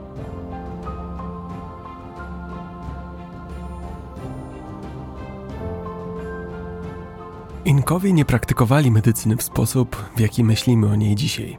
Raczej łączyli religię i wiedzę na temat ziół i minerałów. Ich medycyna to mieszanka natury i sił nadprzyrodzonych. Inkowie wierzyli, że choroba zawsze jest efektem złego uczynku popełnionego przez pacjenta, a to skutkuje gniewem Boga albo klątwą. Wierzyli, że tylko dzięki zastosowaniu naturalnych środków leczniczych i pomocy istot nadprzyrodzonych pacjent może zostać uzdrowiony. Aby to uczynić, odprawiano rytuały, aby odstraszyć złe duchy. Rytuały te zazwyczaj wiązały się z ofiarami, w zależności od choroby ofiarowano żywność, tkaniny, muszle, srebro, złoto, mąkę kukurydzianą, czicze, kokę, ale również zwierzęta, świnki morskie czy lamy. Jedzenie palono, a napoje wylewano na ziemię. Brzmi to wszystko dość prymitywnie, ale tu was zdziwię. Medycyna Inków nie była wbrew pozorom chałupnicza. Po pierwsze, mamy dowody na to, że Inkowie mogli mieć prymitywne szpitale, a także ośrodki szkolenia lekarzy. Po drugie, mamy dowody na to, że leczenie Inków było skuteczne i że oprócz ofiar i rytuałów używali oni naprawdę zaawansowanych technik leczniczych. Dam wam zresztą przykład. Ojciec Bernabe Kobo, jezuita, który opisywał codzienne życie i zwyczaje Inków, napisał w 1653 roku o szlachetnie urodzonym chłopcu, który niestety doznał paskudnego, otwartego złamania kości piszczelowej. Ojciec chłopca wezwał chirurgów, aby zbadali nogę. Nie dali oni nadziei na wzrost i powiedzieli, że nogę należy amputować. Ojciec chłopca był zrozpaczony i postanowił skonsultować się ze starym inkaskim zielarzem, który zajmował się leczeniem. Zacytuję tutaj, jak Bernabe Kobo opisał działania zielarza. Stary Indianin wybrał pewne zioło, które następnie roztarł między dwoma kamieniami. Sok z zioła był tak silny, że udało się bezboleśnie usunąć fragment kości u chłopca, a tym samym noga mogła zacząć się zrastać. Imponujące, prawda? Inkowie mieli trzy główne typy lekarzy, różne ze względu na rodzaj oferowanej przez nich opieki. Pierwszym z nich był Watuk, czyli ktoś w rodzaju diagnosty. Watuk diagnozował chorobę za pomocą wróżb, wizji i snów. Znajdował źródło choroby poprzez obserwację codziennego życia pacjenta i obserwował ogólne objawy choroby. Drugim typem lekarza był Hanpek. To można powiedzieć lekarz internista. Hanpek mieszał zioła i minerały oraz zajmował się leczeniem. Trzecim typem był Paco. Paco to coś w rodzaju inkaskiego psychoterapeuty. Jego zadaniem było leczenie duszy. Używali oni rytuałów, leków roślinnych i zwierzęcych oraz kamieni leczniczych. To wszystko, aby przywrócić równowagę między ciałem a duchem. Choć lekarzy było wielu, to imperium było jednak rozległe i gęsto zaludnione, więc liczba lekarzy często nie wystarczała do zaspokajania potrzeb. Dlatego kobiety w każdym ailu były odpowiedzialne za opiekę i karmienie chorych, dopóki nie było potrzeba wezwać prawdziwego lekarza. Wspomniałem już, że medyczne procedury Inków były zaawansowane jak na ich czasy.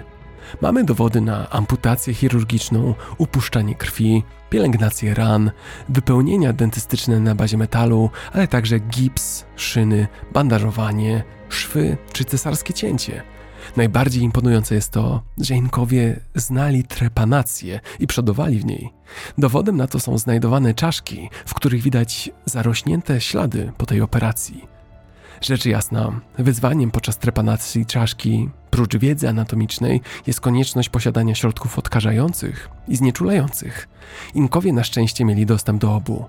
Jako znieczulenie mamy przykłady substancji halucynogennych: koka, meskalina, nikotyna czy chinina. No dobrze, to czym właściwie leczyli się Inkowie? Ziołolecznictwo jest zawsze ciekawe, prawda? I Inkowie rzeczywiście byli uzdrowicielami bazującymi na roślinach. Odkryli, że niektóre rośliny pozwalają na zmniejszanie gorączki i kaszlu, zwiększanie płodności, hamowanie lub zwiększanie libido, ale także łagodzenie skurczy i dreszczy, czy powstrzymywanie swędzenia po ukoszeniach owadów czy zwierząt. W szczególności koka odgrywała ogromną rolę w medycynie i religii Inków – ten tropikalny krzew dziś jest ściśle kontrolowany przez prawo, ale w tamtych czasach był powszechnie stosowany jako środek pobudzający, znieczulający, ale także tłumiący głód i pragnienie, czy łagodzący chorobę wysokościową. Koka była spalana podczas rytuałów i do dziś jest używana w tych celach przez rdzennych mieszkańców Andów. Chicha, o której już wcześniej wspominałem, to kolejny ważny lek wśród Inków, stosowany ze względu na jej zdolność do zmiany zachowania i do działania jako środek znieczulający. Chicha jest znana jako napój Inków. To rodzaj piwa. Najczęściej fermentowaną rośliną była kukurydza, choć do produkcji chiczy wykorzystywano również korzeń manioku, komosę ryżową czy nasiona drzewa mole. Wierzono, że chicha zapobiega tworzeniu się kamieni nerkowych. I powiem wam, że dużym zaskoczeniem było dla mnie to, że chicha jest do dziś pita w Ameryce Południowej. Co więcej, w łatwy sposób możecie ją zrobić w domu. Ja nie mogłem odpuścić takiej okazji i skorzystałem z pewnego przepisu, którym chętnie się z wami podzielę. Powiem szczerze, że chyba jednak pozostanę przy yerba mate. Natomiast jeżeli ktoś lubi nieoczywiste smaki, taki cydr z kukurydzy, to zapraszam. Potrzebne Wam będzie świeża kukurydza, około 450 gramów, 5 litrów wody, około pół kilo cukru, 15 gramów świeżo startego imbiru i 3 gramy skórki z limonki. Grubo siekacie kukurydzę, przekładacie ją do dużego garnka i dodajecie wodę. Doprowadzacie do wrzenia na średnim ogniu i dodajecie cukier, mieszając do rozpuszczenia. Dalej gotujecie na wolnym ogniu przez 30 minut, następnie przykrywacie i schładzacie do temperatury pokojowej. Następnie przelewacie mieszaninę przez sitko lub gazę do dużej miski. Dodajecie imbir i skórkę z limonki i mieszacie. Przykrywacie to wszystko ściereczką i odstawiacie do fermentacji na 1 do 3 dni. I uwaga, napój może mieć nawet do 3% alkoholu. I tą oto lżejszą nutą, to znaczy wyprodukowaniem własnoręcznie chiczy, kończymy codzienne życie Inków. A teraz przejdźmy do sztuki i kultury Inków, ale zarazem do tego, z czego Inkowie słyną: biżuteria i złoto.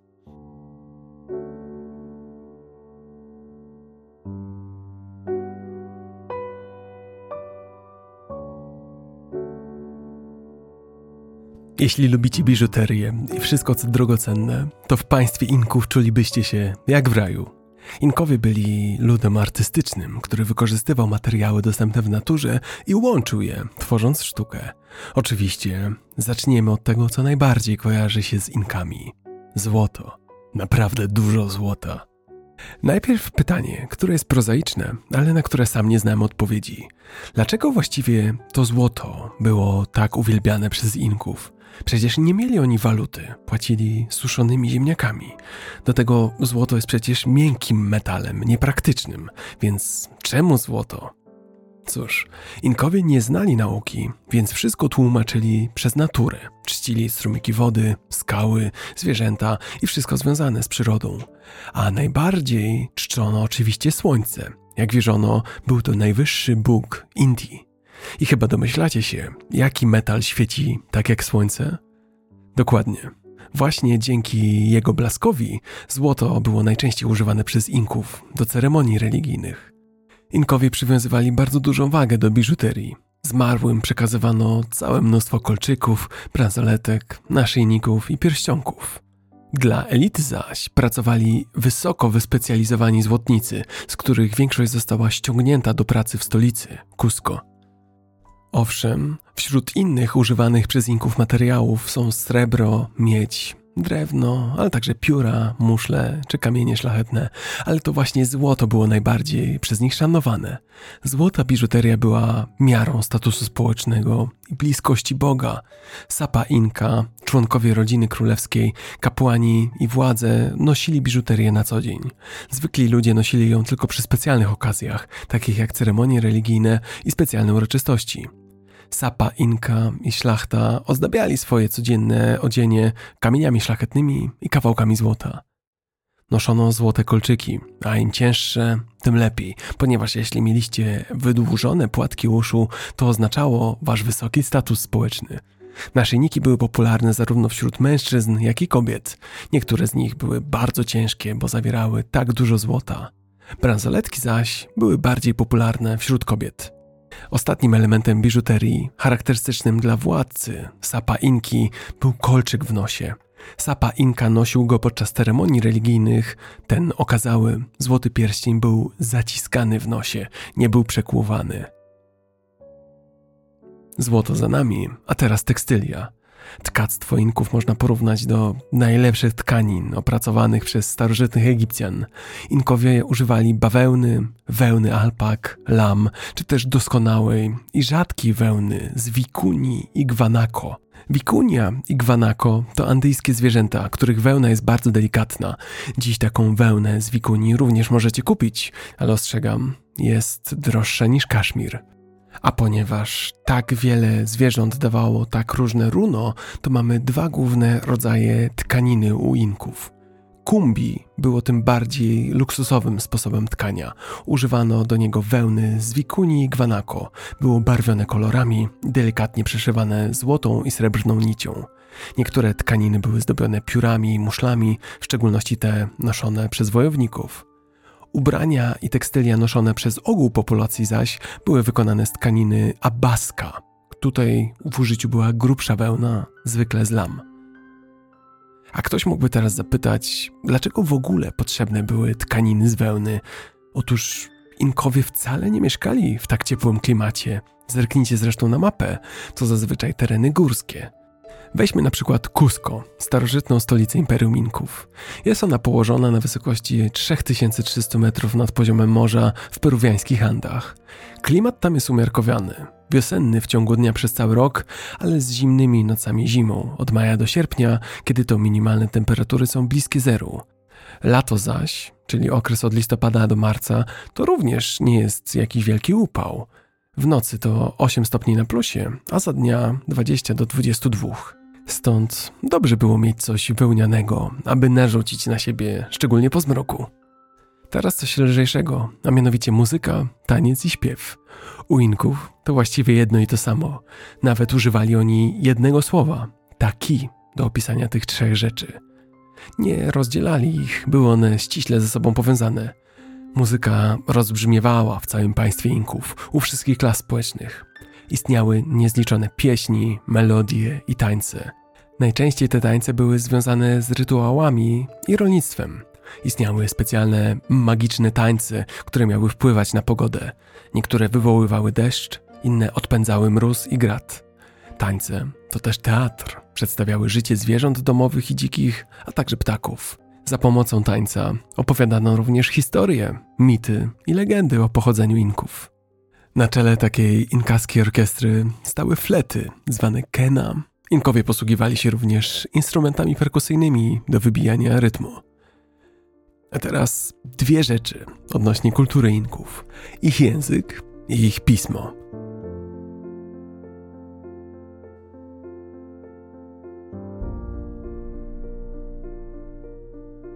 Jeśli chodzi o język, to spokojnie, nie będę wdawać się w tu suche lingwistyczne dywagacje. Jest natomiast jedna rzecz, która jest bardzo charakterystyczna dla Quechua, czyli języka Inków. Rzecz, która mnie zaciekawiła i którą chciałem się z wami podzielić. Otóż język Inków jest, e, można powiedzieć, wizytówką tego, co było dla nich ważne. Dla przykładu, w Quechua są dziesiątki słów określających różne rodzaje kukurydzy, która była przecież podstawową rośliną w ich diecie, ale język ten ma również wiele słów służących do nazywania różnego rodzaju gór, różnego rodzaju rzek i też innych cudów przyrody, które można było spotkać w Andach. W zależności od tego, jak wyglądał dany zagajnik czy rzeczka, nazywano ją w Quechua inaczej. I trudno się temu dziwić. Jak pamiętacie dla Inków, wszystko co istniało w przyrodzie było uosobieniem bogów. Dobra wiadomość jest taka, że Quechua jest nadal żywym językiem, używanym przez kilka milionów ludzi w Andach. A teraz druga rzecz, która również jest dla Inków bardzo charakterystyczna. Chodzi o kipu, pismo węzełkowe. Pismo do dziś nierozszyfrowane w pełni. To jedna z najbardziej charakterystycznych rzeczy, jaką Inkowie odróżniają się od innych cywilizacji. Kipu, pismo węzełkowe. Inkowie nie znali pisma w tradycyjnym tego słowa znaczeniu. Nie mieli liter, nie zapisywali słów. Zamiast tego stworzyli kipu. Te skomplikowane konstrukcje z kolorowych sznurków zdobione węzłami były narzędziem do zapisu informacji bez użycia pisma. Kipu było kluczem do zarządzania rozległym imperium Inków. Istotny był kolor sznurka, węzeł i jego lokalizacja. To wszystko miało znaczenie i to wszystko umożliwiało zapisywanie skomplikowanych danych, takich jak spis ludności, podatki czy liczba zgromadzonych zapasów. I teraz mam dla Was wyzwanie. Wyzwanie, które nurtuje również historyków i archeologów. Otóż nie jesteśmy w stanie odszyfrować kipu. Dlaczego? I czy kiedykolwiek to się uda? Cóż, problem w odszyfrowaniu kipu leży w jego wyjątkowej naturze. Nie jest możliwe odszyfrowanie systemu pisma bez kontekstu. Kipu to nie były litery, to były cyfry, a w konsekwencji taki węzełek mógł oznaczać zarówno ilość ludzi, która zamieszkuje Ailu, jak i też liczbę ziemniaków, których ci ludzie potrzebują albo liczbę ziemniaków, które są gotowi przekazać do innej wioski. To trochę tak, jakbym na tabliczce napisał cyfrę 7. Bez wiedzy, o co mi chodziło, nie będziecie w stanie odszyfrować, co oznacza ta siódemka. Potrzebny jest kontekst. A jakby tego było mało, wraz z przybyciem Hiszpanów i wprowadzeniem chrześcijaństwa, wiele z tych niezwykłych kipów zostało zniszczonych albo zagubionych. Zakaz ich używania zaś sprawił, że wiedza o tym, jak dokładnie odczytywać kipu, przepadła bezpowrotnie ale mam coś na pocieszenie. Coś, co najpewniej przetrwało z inkaskich czasów. Przed wami jedyna sztuka teatralna, która twierdzi, że pochodzi od Inków. Przed wami Olantaj. Olantaj to sztuka pierwotnie napisana w języku quechua. Niektórzy uważają, że pochodzi od Inków i jako taka jest najstarszym dziełem w quechua.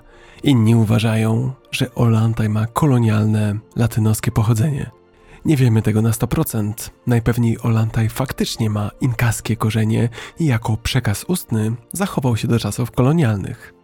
Abyście mogli wyrobić sobie własne zdanie, przedstawię wam pokrótce fabułę Olantaja. A jest ona bardzo prosta. Wielki inkaski generał Olantaj zakochuje się w księżniczce i córce władcy, Sapa Inki. Prawo nakazuje, że członkowie rodziny Sapa Inki mogą poślubić tylko siebie nawzajem – Generał Olantaj i księżniczka pobierają się jednak w tajemnicy. Generał, nie chcąc jednak żyć w cieniu, prosi władcę o błogosławieństwo. Niestety spotyka się z odmową i w akcie furii planuje rebelię i obalenie władcy Inków. Tak też robi i rozpętuje się wojna domowa. Po dziesięciu latach ta wojna domowa wciąż trwa. Księżniczka urodziła córkę, która powoli dorasta i mieszka w świątyni świętych dziewic. Ta młoda dziewczyna, córka Olantaja i księżniczki, cierpi z powodu samotności i zamknięcia. Pewnej nocy zaś słyszy żałobne zawodzenie. Okazuje się, że to umarł Sapa Inka, a szloch pochodzi od jej matki, księżniczki, która poślubiła Olantaja. Jej matka zostaje zamknięta w lochu pod świątynią. Nowy władca Inków wysyła wojsko, aby raz na zawsze pokonało rebeliantów. Po zaciekłej walce Olantaj zostaje przyprowadzony do nowego władcy, aby stanąć wreszcie przed wymiarem sprawiedliwości. Olantaj myśli, że to już koniec, że zostanie stracony, ale zamiast tego otrzymuje łaskę i stałe panowanie nad własną prowincją. Następnie dziewczynka, jego córka, wpada do pałacu i błaga o życie swojej matki. Wszyscy udają się na poszukiwania, odkrywają zamkniętą w lochu księżniczkę i wszyscy żyją długo i szczęśliwie.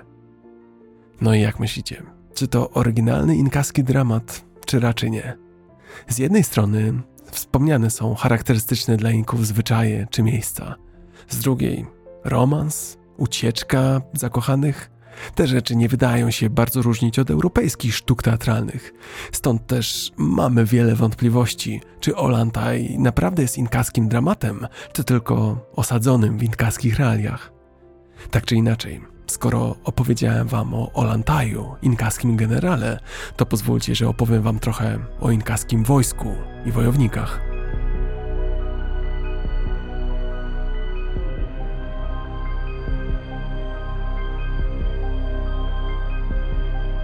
Wojsko Inków to był drugi po gospodarce fundament, na którym opierało się imperium, rozciągające się na tysiące kilometrów wzdłuż Ameryki Południowej. Była to zorganizowana, zdyscyplinowana machina wojenna, machina zdolna do szybkiego przemieszczania się po trudnym terenie dzięki rozbudowanej sieci dróg. Wojsko Inków składało się z prawie 200 tysięcy żołnierzy.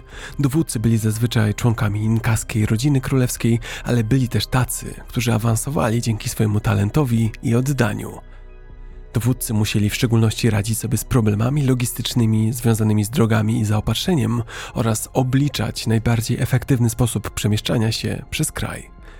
Pamiętajmy, wojsko u Inków było przede wszystkim bronią na czarną godzinę.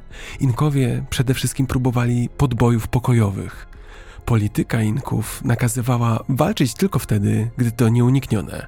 A jeśli okazja była wyjątkowo ważna, to Sapa Inka przejmował dowodzenie nad kampanią. Co oznaczała służba w wojsku Inków? Nowi żołnierze rozpoczynali swoją karierę już w wieku 10 lat. Program szkolenia obejmował zapasy, trening siłowy i strzelanie z procy. Tak zróżnicowany trening pozwalał dowódcom Inków ocenić talenty każdego kandydata na żołnierza i odpowiednio ich przyporządkować. Starszyzna wioski bacznie obserwowała przyszłych małych żołnierzy, informując o ich postępach. Ale nie każdy zostawał wojownikiem. Można było też służyć wojsku, ale na przykład w transporcie. Wybitne jednostki, ci wyjątkowo odważni, najbardziej zdyscyplinowani, najbardziej biegli w walce, nie wracali do cywila, lecz służyli w wojsku na stałe. Wojsko Inków było zorganizowane bardzo podobnie do współczesnej armii. Żołnierze grupowani byli po dziesięciu wraz z dowódcą. Wyżej zaś formowano grupy liczące 100, 500, 1000 i 5000 żołnierzy. Ostatecznym dowódcą był zaś Sapa Inka. A gdy do walki dochodziło, to jak ona wyglądała? Przede wszystkim była to najczęściej walka wręcz. Inkowie używali toporów bojowych i oszczepów. Walczyli również za pomocą różnych maczug. Największa z nich, porra, była tak duża, że wymagała trzymania oburącz. Jedną z najskuteczniejszych broni używanych przez Inków była proca, waraka. Miotała ona kamienie z taką siłą, że mogły one złamać ostrze miecza na pół.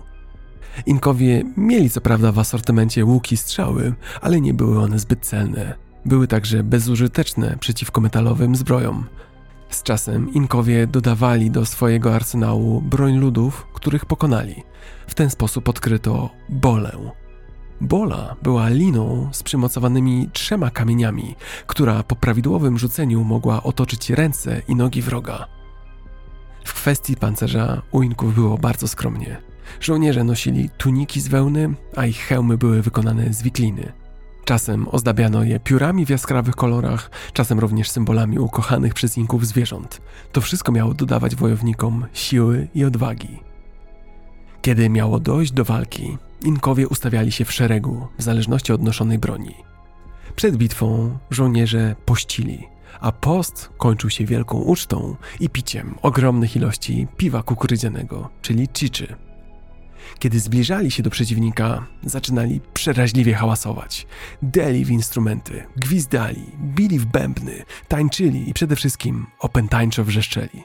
Podczas samego starcia Inkowie dzielili swoje siły na trzy grupy. Pierwsza grupa atakowała od frontu, a dwie pozostałe okrążały i atakowały od tyłu.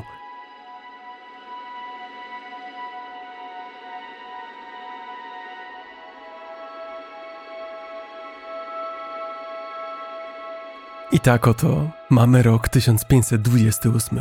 W mniej niż 100 lat Inkowie rozszerzyli swoje imperium z około 400 tysięcy kilometrów kwadratowych w 1448 roku do miliona 800 tysięcy kilometrów kwadratowych.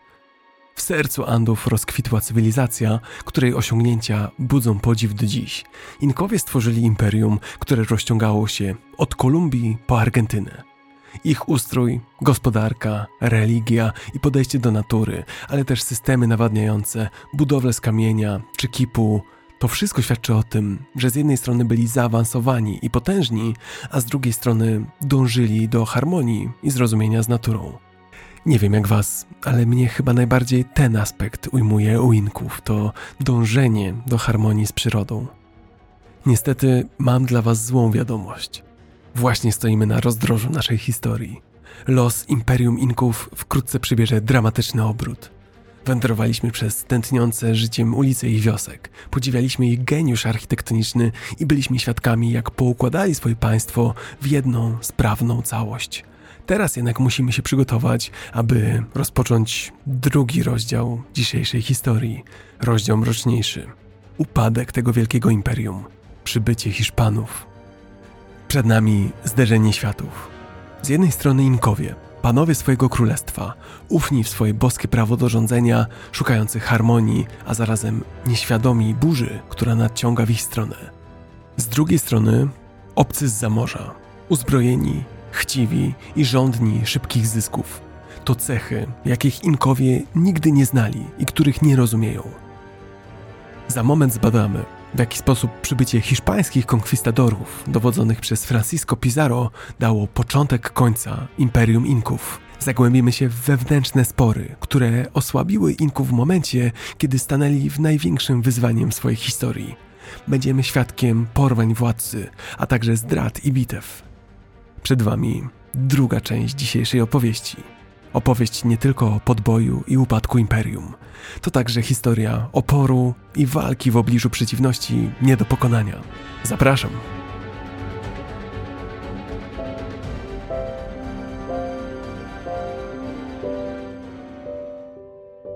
Rozpoczynamy drugą część dzisiejszego odcinka i od razu stajemy u progu przełomowego momentu w historii spotkania dwóch skrajnie różnych światów Inków i Europejczyków.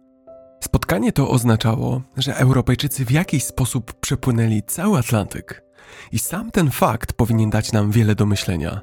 Dlaczego Europa zdecydowała się na tak daleką podróż i na co liczyła w zamian? Powiem wam, że nie myślimy o tym na co dzień, ale ogrom Oceanu Atlantyckiego jest rzeczywiście trudny do wyobrażenia. Atlantyk ma powierzchnię około 106,5 miliona kilometrów kwadratowych. Całkowita powierzchnia Polski to 312 696 km2. Oznacza to, że Atlantyk jest 340 razy większy od Polski.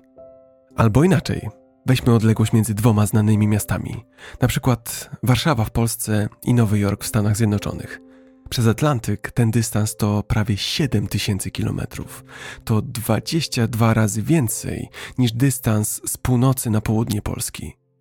Ogrom Oceanu Atlantyckiego jest trudny do ogarnięcia wyobraźnią.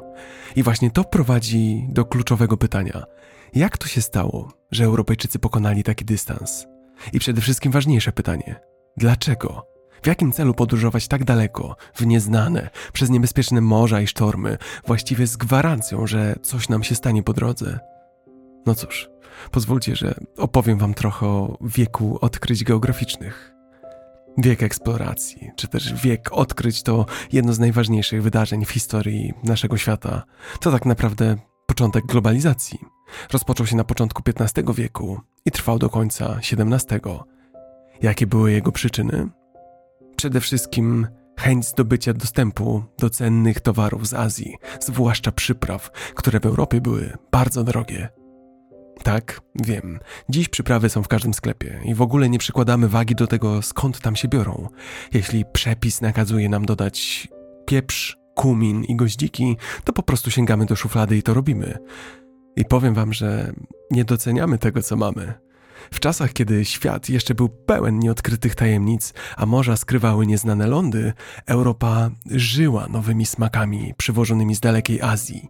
Te egzotyczne przyprawy zmieniały oblicze europejskiej kuchni, były przedmiotem marzeń kupców i podróżników. Najbardziej pożądane były pieprz, cynamon, goździki, gałka muszkatołowa i imbir. To one kryły w sobie tajemnice smaków, które potrafiły przemienić najprostsze dania w kulinarne arcydzieła. Pieprz, król przypraw, przybywał z dalekich wybrzeży Indii. Ceniono go za jego ostry i wyrazisty smak, który dodawał potrawom charakteru. Cynamon z kolei zachwycał słodyczą i aromatem, a jego korzenie sięgały starożytnego Ceylonu. Goździki, drobne pączki kwiatowe przywożone z Moluków, wysp przypraw, dodawały daniom pikantności i głębi smaku. Gałka muszkatołowa, owoc drzewa muszkatołowego, także pochodziła z Moluków i była ceniona za ciepły, korzenny aromat. A imbir, znany ze swoich właściwości leczniczych i ostrego smaku, przybywał z Azji Południowo-Wschodniej. Te przyprawy były w Europie na wagę złota, dosłownie. Ich cena była tak wysoka, że często używano ich jako waluty w międzynarodowym handlu. W średniowieczu funt pieprzu mógł kosztować równowartość kilkudziesięciu dni pracy wykwalifikowanego rzemieślnika. Przyprawy były symbolem statusu społecznego, symbolem bogactwa, były dostępne tylko dla najzamożniejszych warstw społeczeństwa. Ceniono je nie tylko za niezwykłe właściwości smakowe, ale także za przypisywane im działanie lecznicze. Wierzono, że przyprawy poprawiają trawienie, działają przeciwgorączkowo i antyseptycznie. Ale był pewien problem. Handel lądowy z Azją był kontrolowany przez państwa muzułmańskie, co czyniło towary azjatyckie rzadkimi i kosztownymi. Kraje europejskie poszukiwały nowych szlaków handlowych do swoich odległych partnerów na Dalekim Wschodzie szlaków do Chin, Japonii i Indii.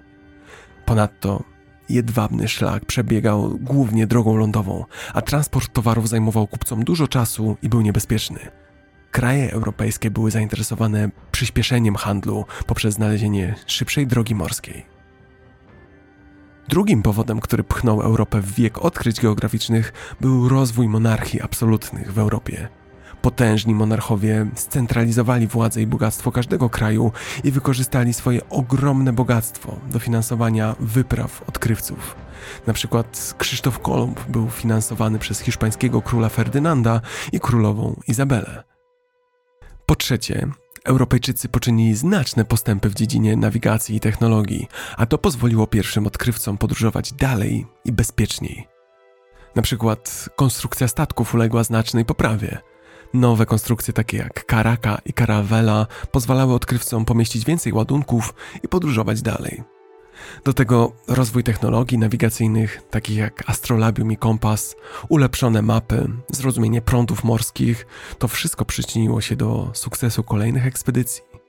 Wiek odkryć był również napędzany pragnieniem wiedzy, odkrywania nieznanych terytoriów i zrozumienia świata.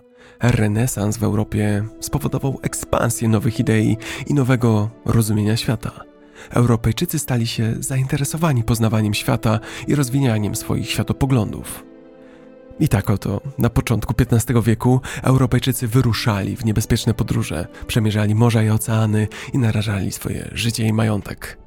Każdy statek, który wracał z dalekich krajów z ładunkiem przypraw, był wyczekiwany z niecierpliwością i otoczony aurą sukcesu. Wartość tych towarów sprawiała, że były one motorem wieku odkryć geograficznych, skłaniała Europejczyków do poszukiwania nowych szlaków handlowych do Azji i dalszego eksplorowania świata. Wiek eksploracji był napędzany głównie przez cztery europejskie narody: Portugalię, Hiszpanię, Francję i Anglię. Cechą wspólną tych czterech krajów jest to, że graniczyły z Oceanem Atlantyckim, miały łatwy dostęp do morza i wiele portów morskich. Portugalia zaczęła erę eksploracji przed pozostałymi trzema graczami dzięki wyprawom zorganizowanym przez Henryka Żeglarza. Choć Henryk nigdy nie wyruszał samemu na jakąkolwiek podróż, to zrewolucjonizował sposób, w jaki te podróże były organizowane. Założył szkołę nawigacji w 1419 roku i pod jego kierunkiem żeglarze doskonalili techniki żeglarskie, narzędzia nawigacyjne, projekty żagli i techniki mapowania. Przypisuje mu się bycie pierwszym, który wymagał od kapitanów statków prowadzenia rejestru czy też dziennika swoich podróży.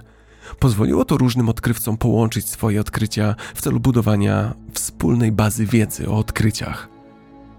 Pierwsi portugalscy odkrywcy podróżowali na południe, wzdłuż zachodniego wybrzeża Afryki, w poszukiwaniu nowej drogi do Indii i Chin. Było to na początku XV wieku. W 1488 roku sukces. Bartolomeo Diaz opłynął przylądek Dobrej Nadziei, miejsce na samym południu Afryki. Droga morska do Indii stała otworem. Tą właśnie drogą 9 lat później podążył Vasco da Gama, docierając wreszcie do Indii morzem. Nie zaczął się jeszcze XVI wiek, a ci pierwsi odkrywcy odnieśli tak wielki sukces, że Lizbona, stolica Portugalii, stała się głównym centrum handlowym Europy w tamtym czasie. Sąsiad Portugalii, Hiszpania, była zazdrosna o portugalskie wyprawy i bogactwo i chciała rozpocząć własne eksploracje. Zamiast kierować się na południe, jak portugalscy żeglarze, hiszpańscy odkrywcy udali się na zachód, w poprzek Oceanu Atlantyckiego – Ci pierwsi odkrywcy szukali szybszego szlaku handlowego na Daleki Wschód, w tym do Chin i Indii. Nie zdawano sobie wówczas sprawy, jak wielka jest kula ziemska, i właśnie stąd tak bardzo ambitny cel, aby płynąć na zachód, dopłynąć do Indii. Najbardziej znanym hiszpańskim odkrywcą jest Krzysztof Kolumb. Dzięki jego podróży zaczęła się fala osadnictwa europejskiego w obu Amerykach. Anglia, trzeci gracz ery odkryć geograficznych, nie wykazywała większego zainteresowania eksploracją aż do późnych lat XVI wieku. W tym czasie zarówno Hiszpania, jak i Portugalia stały się niezwykle bogate dzięki własnym wyprawom i dopiero wówczas Anglia chciała zdobyć ziemię i bogactwo dla siebie. Wielu z pierwszych angielskich odkrywców wyruszyło do Nowego Świata i założyło kolonie, które Anglia kontrolowała jako część swojego rozległego imperium. Większość z tych kolonii powstała wzdłuż wschodniego wybrzeża dzisiejszej Kanady i Stanów Zjednoczonych. Podobnie jak Anglia, Francja zainspirowała się do rozpoczęcia eksploracji, widząc rosnące bogactwo Hiszpanii i Portugalii. Większość francuskich wypraw koncentrowało się na obszarach rzeki Świętego Wawrzyńca w Kanadzie. I w kontekście dzisiejszego odcinka na pewno zadacie teraz pytanie – jak to się stało, że pragnienie poszukiwania przypraw i nowych szlaków handlowych doprowadzi do upadku Imperium Inków? Cóż, pragnienie odkrywania nowych szlaków handlowych, które zaczęło wiek odkryć geograficznych, istotnie miało swoje korzenie w europejskim apetycie na przyprawy i inne egzotyczne dobra, ale do tego doszło pragnienie eksploracji, pragnienie poszukiwania bogactw gdy europejscy żeglarze, szukając drogi do Indii, natrafili na Amerykę, okazało się, że lekko licząc, druga Europa czeka na odkrycie i podbój. Zaczęli więc eksplorować i podporządkowywać te nowo odkryte ziemie w poszukiwaniu bogactw, złota, srebra, a także nowych produktów do handlu a to doprowadziło również do spotkania Europy z nieznanymi dotąd cywilizacjami Nowego Świata. To miało dalekosiężne konsekwencje zarówno dla odkrywców, jak i dla społeczności, z którymi się zetknęli. Afryka i handel niewolnikami, rdzenne kultury Ameryk, Aztekowie i właśnie Inkowie. I to właśnie podczas ery odkryć geograficznych poznajemy postać, która przyniesie kres Imperium Inków. Przed wami Hiszpan, Francisco Pizarro, Zapamiętajcie to nazwisko.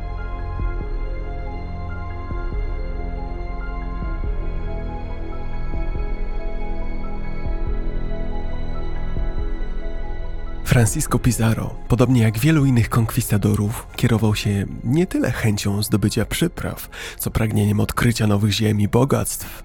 Po usłyszeniu opowieści o bogatym imperium na zachodzie, gdzie złoto i srebro miały być w obfitości, skierował swoje kroki właśnie tam, ku krainom, które dziś znamy jako Peru, serce imperium Inków. Historia Pizarra zaczyna się na ulicach Trujillo w Hiszpanii pod koniec XV wieku.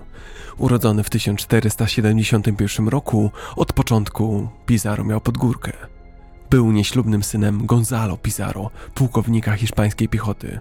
W sztywnej hierarchii społecznej średniowiecznej Hiszpanii jego urodzenie było piętnem, które ciągnęło się za nim – Wychowany w ubóstwie, młody Francisco dorastał bez edukacji, w świecie, gdzie jedyną drogą do lepszego życia była służba wojskowa albo poszukiwania szczęścia za granicą. Francisco młodość spędził w rodzinnym domu, pomagając w interesie hodowlanym. Jednak świat wokół niego zmieniał się. Rok 1492 przyniósł nie tylko upadek Granady, ostatniej muzułmańskiej twierdzy w Hiszpanii, ale także Podróż Krzysztofa Kolumba, podróż, która wreszcie pokonała Atlantyk, podróż, która otworzyła bramy do nowego świata. Do hiszpańskich portów zaczęły napływać wieści o krainach za oceanem, opowieści o niewyobrażalnym bogactwie i niezbadanych terytoriach. To działało na wyobraźnię młodego Francisco. Zaledwie rok później, w 1493 roku, wyrosł do Sewilli, która tętniła wieściami o tym, co działo się po drugiej stronie oceanu. W 1502 roku Pizarro udał się przez ocean na Hispaniole, współczesne Haiti i Dominikana. Tam spędził swoje pierwsze lata jako żołnierz i poszukiwacz przygód. Pizarro był częścią załogi, która założyła San Sebastian de Uraba, fort, który niestety upadł pod naporem lokalnej ludności indiańskiej. Przełom w życiu Pizarra nastąpił w 1513 roku. Podczas wyprawy u boku Vasco Nuneza de Balboa przekroczyli przesmyk panamski, odsłaniając po raz pierwszy ogromną przestrzeń Oceanu Spokojnego. To znacznie rozszerzyło możliwości eksploracji i podboju. W kolejnym roku przybył Pedrarias Davila z ramienia hiszpańskiej korony. Był to nowy gubernator, którego zaufanie Pizarro szybko zdobył. Dzięki temu otrzymał ziemię, bydło i Indian. W 1519 roku miała miejsce próba charakteru Pizarra. Nowy gubernator nakazał aresztowanie i egzekucję Vasco Nuneza de Balboa za zdradę króla. Pizarro, choć to właśnie 6 lat temu z de Balboą przekraczał przecież przesmyk panamski, bez wahania wykonał rozkaz aresztowania swojego byłego kompana. Za to za tą lojalność Davila nagrodził go stanowiskiem burmistrza niedawno założonego miasta Nuestra Señora de la Asunción de Panama i dał mu encomiendas, czyli południowoamerykańskie lenno wykorzystujące niewolniczą pracę Indian. Wydarzenia te zapewniły Pizarowi duże dochody i wysoki standard życia. Chwilowo osiadł i po raz drugi w swoim życiu zajął się hodowlą bydła. Ale chyba się spodziewacie, co było dalej. Opowieści o krainie bogatej w złoto i srebro na południu, historie, które docierały do uszu Pizara, nie pozwoliły mu siedzieć w miejscu. To dobry moment, by zdradzić wam, że w rodowodzie Pizara była ciekawa karta. Hernán Cortés, nazwisko, które stało się synonimem podboju Imperium Azteków, był dalekim kuzynem Pizara. Sukces Cortesa, bogactwo i chwała, które zgromadził, zainspirowały Pizara. Były dla niego jak kompas, Pizarro wiedział, że siedzenie w miejscu nie jest dla niego, że on też chce zdobywać i odkrywać, że chce podbijać. W 1524 roku do Panamy dotarły wieści, że żeglując na południe wzdłuż wybrzeża Pacyfiku można znaleźć wielkie cywilizacje i bogactwa. W Panamie Pizarro nawiązał współpracę z dwoma mężczyznami, którzy mieli odegrać kluczową rolę w jego podróży. Diego de Almagro, rządny majątku żołnierz, i Hernando de Luque, ksiądz, który potrafił dostrzec nadarzającą się okazję. We trzech wspólnie zawarli pakt. Pakt, aby wyruszyć na południe, aby podbić i podzielić wszystko, co napotkają.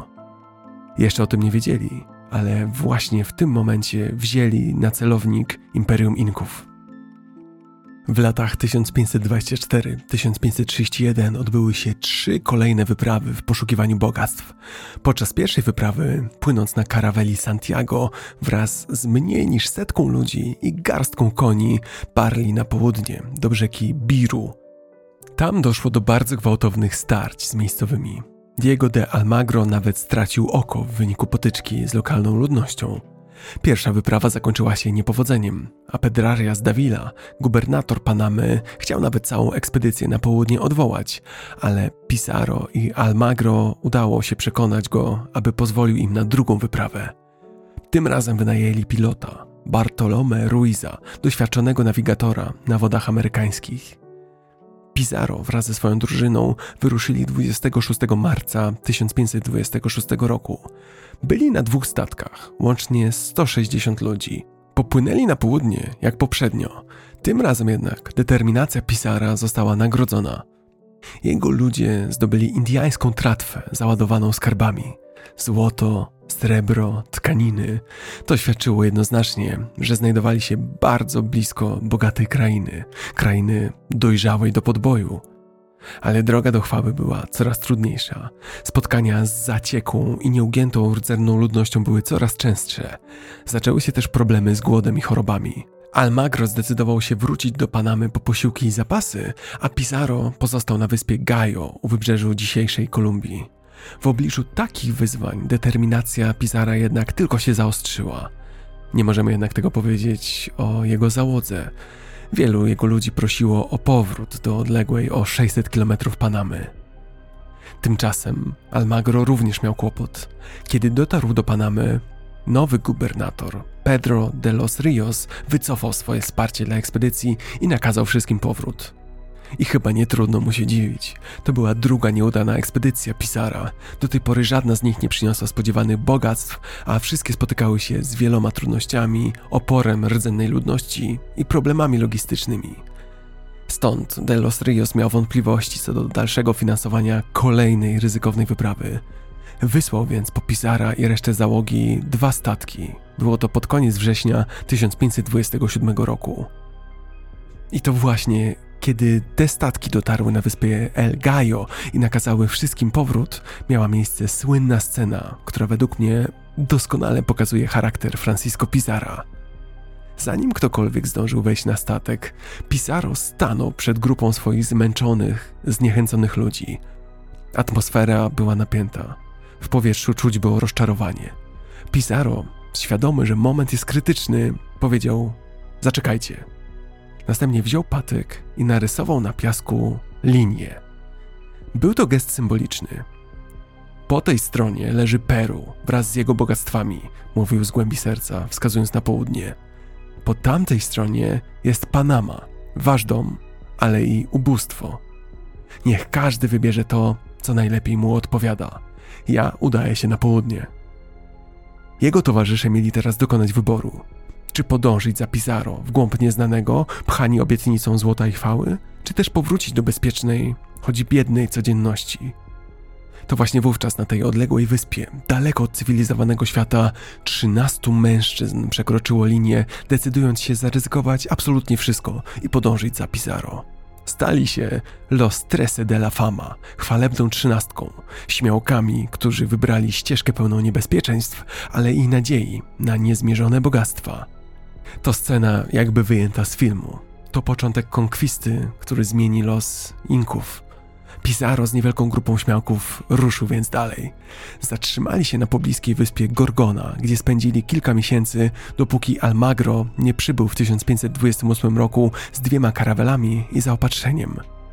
Wspólnie kontynuowali żeglugę na południe i dotarli do rzeki Santiago, a wkrótce do pierwszego ważnego inkaskiego miasta Tumbes.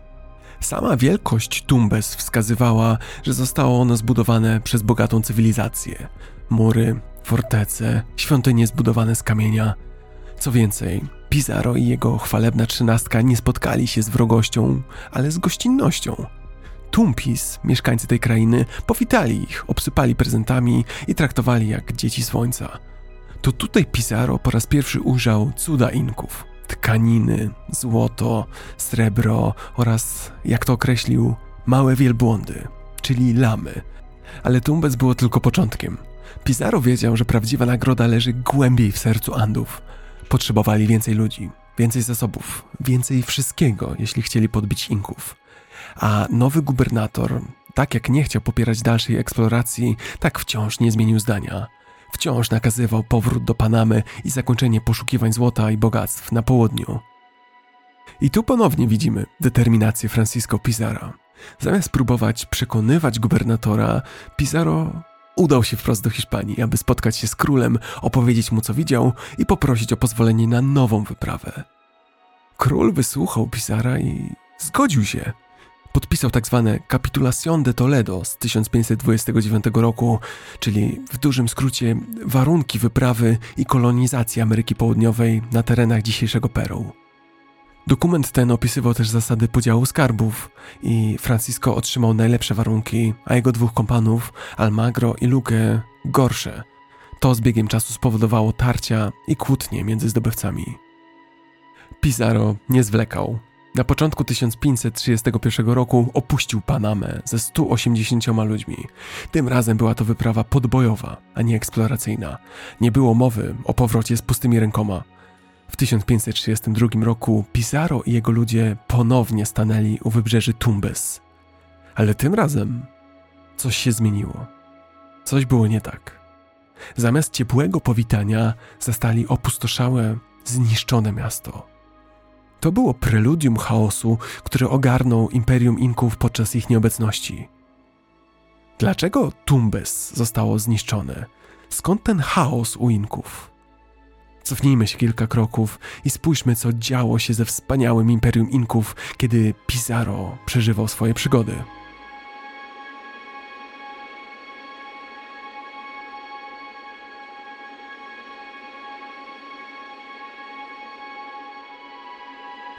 Podczas gdy Pizarro podróżował z Ameryki do Europy i z powrotem, w Imperium Inków działo się naprawdę wiele.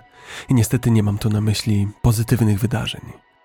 Po pierwsze, cichy, niewidoczny przeciwnik, dalece bardziej śmiercionośny niż jakakolwiek armia czy broń. Plaga ospy. Ta groźna choroba wirusowa była nieznana w Nowym Świecie aż do przybycia Europejczyków charakteryzująca się gorączką, bólami ciała i wysypką, która przeradza się w wypełnione płynem pęcherze, ospa była wysoce zaraźliwa i często śmiertelna. U tych, którzy przeżyli, pozostawiała na zawsze paskudne blizny. Brak wcześniejszej ekspozycji na wirus oraz brak odporności sprawiały, że śmiertelność wśród rdzennej populacji Ameryki była znacznie wyższa niż na przykład w Europie. Ponadto brak zrozumienia natury choroby oraz metod jej leczenia pogarszały sytuację. Wielu ludzi umierało nie tylko z powodu samej ospy, ale także z powodu powikłań, jak infekcje wtórne. Jak więc ospa trafiła do Ameryki? To również zasługa wieku odkryć. Kiedy Europejczycy postawili stopę na terenie obu Ameryk na początku XVI wieku, niestety przywieźli ze sobą tego śmiertelnego towarzysza. Inkowie, odizolowani od świata przez stulecia, nie mieli odporności na takie choroby starego świata. Ospa rozprzestrzeniała się jak ogień. To był cichy zabójca, poruszający się szybciej niż jakakolwiek maszerująca armia. W przypadku Inków ospa zaczęła siać spustoszenie około 1525 roku, raptem 7 lat przed pierwszym kontaktem Franciska Pizarra z Inkami. Wpływ ospy na populację Inków był katastrofalny. Całe wioski zostały zdziesiątkowane. Szacuje się, że przed przybyciem Pisara w samym tylko Cusco i jego okolicach ospa mogła zabić jedną trzecią populacji. Wirus, który zabija co trzecią osobę w mieście. Tak ponura to skala. W całym imperium liczba ofiar mogła wynosić setki, a nawet miliony ludzi. Niegdyś tętniące życie miasta i skrupulatnie pielęgnowane pola zamarły, a kręgosłup imperium, jego mieszkańcy, padli ofiarą choroby. Pamiętacie, imperium bazowało na Ailu, na wspólnej pracy, więc jeśli zaczynało brakować ludzi, to cała gospodarka zatrzymywała się. Ale ospa to niestety nie wszystko. Znacie takie powiedzenie: nieszczęścia chodzą parami? Moment wybuchu tej epidemii nie mógł być gorszy. Ospa uderzyła w momencie, gdy imperium zmagało się z kryzysem wewnętrznym. Kryzysem, który pośrednio był wywołany przez uderzającą właśnie ospę. Wojna dwóch braci, bo o niej mowa, to konflikt który wstrząsnął fundamentami państwa Inków. Zgodnie z tradycją, Sapa Inka, czyli najwyższy władca Inków, przekazywał swój tron najstarszemu synowi. Huayna Capac, czyli Sapa Inka w 1527 roku nie zdążył jednak tego zrobić. Jego najstarszy syn, Ninan Kuyochi, zmarł na ospę. Niedługo potem również Huayna Capac leżał na łożu śmierci. Sapa Inka postanowił więc zerwać z tradycją i zamiast przekazywać władzę kolejnemu, najstarszemu synowi, podzielił imperium między dwóch młodszych synów, Huascara i Atahualpę. Huascar był starszym i prawowitym synem żony Huayny Capaka. Atahualpa zaś był synem jednej z konkubin, dlatego Huascar otrzymał całe imperium Inków do rządzenia z wyjątkiem Quito i okolic, które znajdowały się w północnej części. Rządząc Cusco, stolicy Imperium Inków, Ułaskar dowodził większością państwa, a Atahualpa dowodził armią Inków, która stacjonowała na północy. Spróbujmy zrozumieć Huayne Capaka. Na pewno miał nadzieję, że obaj jego synowie, obaj bracia będą harmonijnie rządzić imperium w tak trudnym czasie, czasie epidemii. Tak się jednak nie stało. Łaskar widział swojego brata Atahualpę jako zagrożenie dla jego własnej pozycji Sapa Inki. Tym bardziej, że przecież Atahualpa dowodził armią. W związku z tym Ułaskar postanowił uderzyć pierwszy, zdradzić brata i podjąć próbę zdobycia Quito. I tak oto historia pokazuje nam absolutne zaprzeczenie idei jedności, na której bazowało Imperium Inków. Ułaskar i Atahualpa, synowie wielkiego Sapa Inki, stanęli naprzeciwko siebie w walce o władzę po śmierci ojca. Wojna domowa, z której tylko jeden z nich mógł wyjść zwycięsko. Bitwy toczyły się w całym państwie Inków, od zimnych szczytów Andów po gorące, wilgotne lasy Amazonii. Wojska Ułaskara pokonały Atahualpę i pojmały go w pobliżu Tomebamby – Atahualpa zdołał jednak uciec i powrócić do Quito, by zebrać swoje siły. Później Ułaskar został pokonany i odepchnięty na południe. W międzyczasie Ułaskar stawał się coraz bardziej pogardzanym władcą. Rzekomo zagroził spaleniem królewskich mumii, coś nie do pomyślenia dla Inków. Co więcej, zabijał posłańców wysyłanych przez Atahualpę. W 1532 roku armia Atahualpy ostatecznie pokonała Ułaskara w decydującej bitwie, a Ułaskar został schwytany. Imperium, choć zniszczone ospą i wojną domową, przetrwało. Niedługo jednak trwało świętowanie zwycięstwa przez Atahualpę. Niedługo Inkowie cieszyli się jednością i pokojem. W tym samym czasie pojawiły się doniesienia o dziwnych, białoskórych mężczyznach e, z wełną na twarzy, czyli z brodami. Atahualpa nie zdawał sobie sprawy, że jego panowanie będzie krótkie, a ci obcy ludzie podbiją jego imperium i wydadzą na niego wyrok śmierci. Prześledźmy zatem wydarzenia, które doprowadziły do upadku Inków.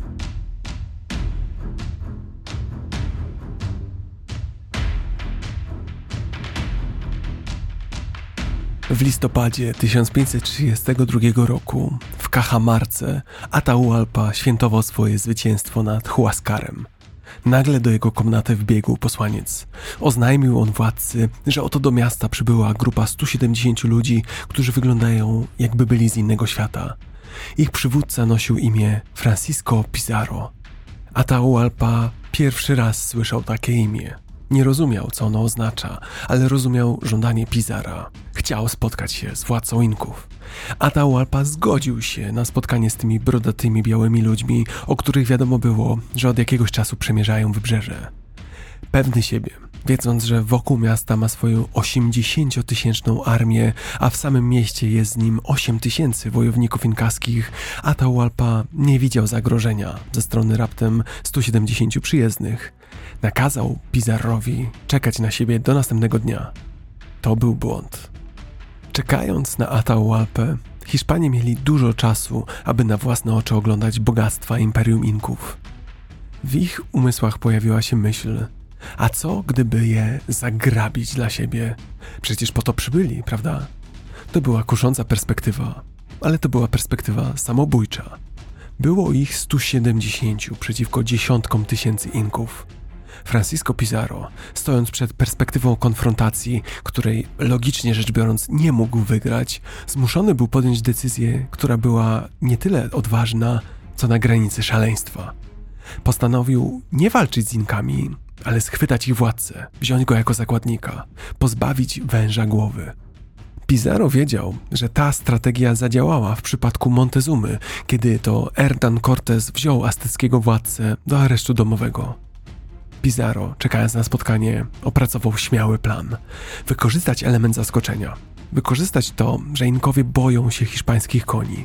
Wykorzystać to, że nie znają siły ani dźwięków armat i arkebuzów. Pizarro zajął plac miejski w Cajamarce. Umieścił armaty na dachu i ukrył swoich jeźdźców i piechurów w budynkach wokół placu. Atahualpa kazał im czekać, nie śpieszył się z przybyciem. Ostatecznie zjawił się późnym popołudniem, niesiony na lektyce i otoczony przez dziesiątki ważnych inkaskich szlachciców. Tysiące Inków zaś z ciekawością przyglądało się całej scenie. Napięcie sięgało zenitu. Hiszpanie po cichu wzmawiali modlitwy, byli przekonani, że wkrótce zginą. Kiedy Atahualpa dotarł na miejsce na środku placu, Pizarro wysłał Dominikanina, ojca Vicente de Valverde, aby się z nim spotkał. Valverde rozmawiał przez tłumacza. Pokazał Atahualpie Biblię. Następnie wezwał Inków do przyjęcia wiary chrześcijańskiej i do uznania króla Hiszpanii za swojego władcę. To nie była propozycja, jaką Inkowie składali ludom, które próbowali włączyć do swojego imperium. To było ultimatum, Ultimatum, które Inkom trudno było zrozumieć, a jeszcze trudniej zaakceptować. Atahualpa z pogardą rzucił Biblią o ziemię. Ojciec Valverde, zaszokowany tym świętokradztwem, zakrzyknął: Hiszpanie, do broni! Huk armat rozdarł powietrze. Błyskawicznie plac zaroił się od jeźdźców i piechurów, masakrujących Inków i przybijających się do królewskiego orszaku. Żołnierze Inków byli zaszokowani. Nigdy wcześniej nie widzieli koni w galopie, nie byli przygotowani do stawienia oporu wrogom, którzy atakują ich z wierzchu tych zwierząt. Hiszpańska zbroja czyniła ich niemal niewrażliwymi na inkaską broń. Stalowe miecze z łatwością przebijały się przez wełniane odzienie Inków. Armaty i arkebuzy wystrzeliwywane z dachów zasypywały plac deszczem śmierci. Hiszpanie walczyli przez dwie godziny, zabili tysiące Inków, w tym wielu ważnych członków inkaskiej szlachty. Hiszpańscy jeźdźcy zaś jeszcze przez wiele godzin ścigali uciekających na polach wokół Cajamarki. Tego dnia nie zginął żaden Hiszpan. Zginęło dwa tysiące Inków, a Atahualpa został wzięty do niewoli. Pizarro dokonał niemożliwego. Wraz z niewielkim oddziałem schwytał Atahualpę, paraliżując tym samym serce Imperium Inków. Ten odważny, ten szalony manewr był początkiem końca jednej z najwspanialszych cywilizacji, jakie kiedykolwiek istniały. Był to również dowód na to, że w historii często odwaga i przebiegłość odgrywają rolę równie ważną co siła i liczba.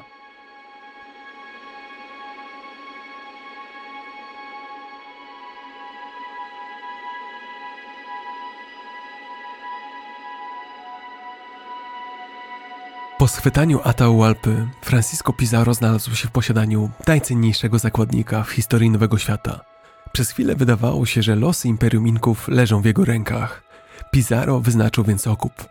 Bezpieczny powrót Atahualpy nastąpić miał, jeśli pomieszczenie o wymiarach 6 na 5 metrów zostanie wypełnione skarbami po sufit. Zrozpaczeni Inkowie tak też uczynili, a komnata została wypełniona złotymi przedmiotami, od biżuterii po figurki tak ważnych dla Inków bogów. To jednak Hiszpanom było za mało. Nakazali, by pomieszczenie zostało jeszcze dwukrotnie wypełnione srebrnymi przedmiotami. Całe to zadanie, całe zbieranie okupu zajęło 8 miesięcy, a dzisiejsza wartość zgromadzonych skarbów wyniosłaby znacznie ponad 50 milionów dolarów. W międzyczasie, gdy trwało zbieranie złota i srebra na okup, Atahualpa nadal zarządzał swoim imperium z niewoli, a Pizarro wysyłał ekspedycje badawcze do Cusco i do Pachacamac. Wciąż też czekał na posiłki z Panamy. Wkrótce cały okup został zebrany, a Atahualpa cieszył się, że wróci do swojego ludu. Mimo jednak, że okup został zapłacony, Pizarro nie zamierzał dotrzymać słowa. Los Atahualpy był już przesądzony – po otrzymaniu okupu Pizarro dokonał egzekucji Atahualpy. Stało się to 26 lipca 1533 roku. Król Inków został skazany na śmierć przez spalenie na stosie. Po tym, jak w geście rozpaczy zgodził się przyjąć chrzest, wyrok zamieniono na śmierć przez uduszenie. Morderstwo z zimną krwią? Niektórzy z ludzi Pizarra uważali, że to była najgorsza możliwa decyzja. Nawet sam król Hiszpanii wysłał naganę, domagając się wytłumaczenia, dlaczego w ten sposób potraktowano obcego, ale jednak monarchę. Wiem, co czujecie. Jak można było tak postąpić? I powiem wam, że mi również trudno jest pogodzić się z tym, w jaki sposób potraktowano władcę Inków. Pizarro co prawda tłumaczył, że to była jedyna możliwa decyzja – że widział, jak bardzo Inkowie byli posłuszni swojemu władcy, nawet gdy ten był przetrzymywany w niewoli, jak bardzo nie potrafią podejmować decyzji bez Atahualpy, jak bardzo są uzależnieni od głowy państwa. Pizarro zdawał sobie sprawę, że jeśli wypuści Atahualpę na wolność, to drugi raz nie uda mu się go pojmać, a Inkowie nie wypuszczą Hiszpanów żywcem. W jego ocenie tylko śmierć Atahualpy mogła doprowadzić do całkowitej klęski Inków. Do tego okres niewoli Atahualpy pokazał Hiszpanom, że w Imperium Inków zaczęły pojawiać się frakcje, podziały, a to można było wykorzystać na swoją korzyść. I tak oto Hiszpanie rozpoczęli podbój Cusco i reszty imperium. Hiszpański walec zaczął powoli, ale sukcesywnie równać Inków z ziemią.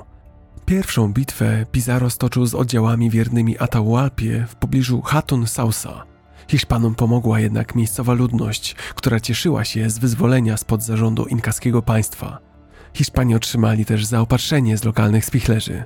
Tak jak wspominałem, to efekt epidemii ospy oraz wojny domowej. W jednolitym dotąd państwie powstały pęknięcia. Lokalna pomoc i plądrowanie inkaskich zapasów stały się strategią, którą Pizarro stosował przez resztę swojego podboju. Hiszpanie parli dalej. Zwyciężyli pod Wilka Słaman, ale ich oddział został zaatakowany z zaskoczenia w drodze do Cusco. Następnego dnia przybysze ze Starego Świata wznowili jednak swój marsz. Krótkotrwały opór w Cusco został pokonany, a 15 listopada 1533 roku miasto wpadło w ręce Pizara. To właśnie wówczas Hiszpanie po raz pierwszy na własne oczy ujrzeli Coricancze, świątynię słońca. Jej ściany, wedle relacji przybyłych tam Hiszpanów, były pokryte złotymi płytami, a wnętrza zdobiły złote figury bóstw, zwierząt oraz symboliczne sceny z życia imperium, wszystko wykonane z czystego złota. Dla Inków, jak pamiętacie, złoto nie miało wartości materialnej. Było dla nich symbolem boskiego blasku Intiego, blasku słońca, słońca, które czczono i oddawano mu hołd jako źródło życia i płodności.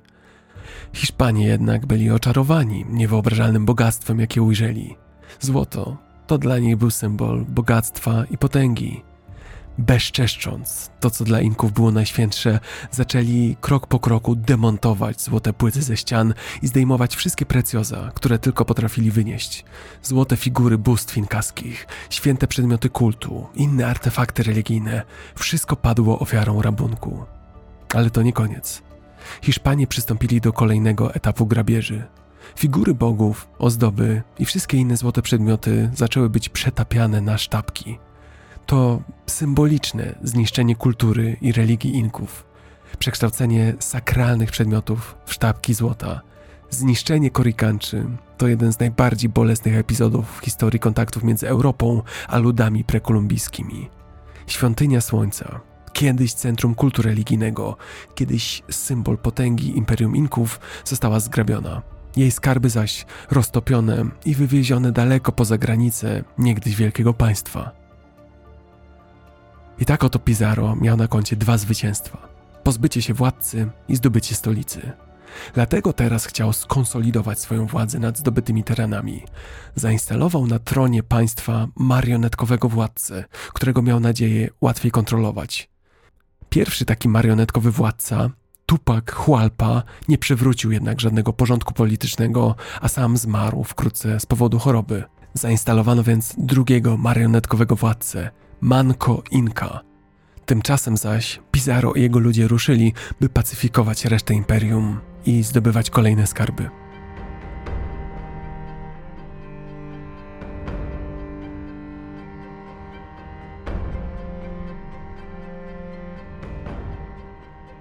W tym miejscu być może zastanawiacie się, jak to możliwe, że tak wielkie imperium tak łatwo padało łupem mniejszej ilości Hiszpanów. Cóż, po pierwsze, z biegiem czasu tych Hiszpanów wcale tak mało nie było.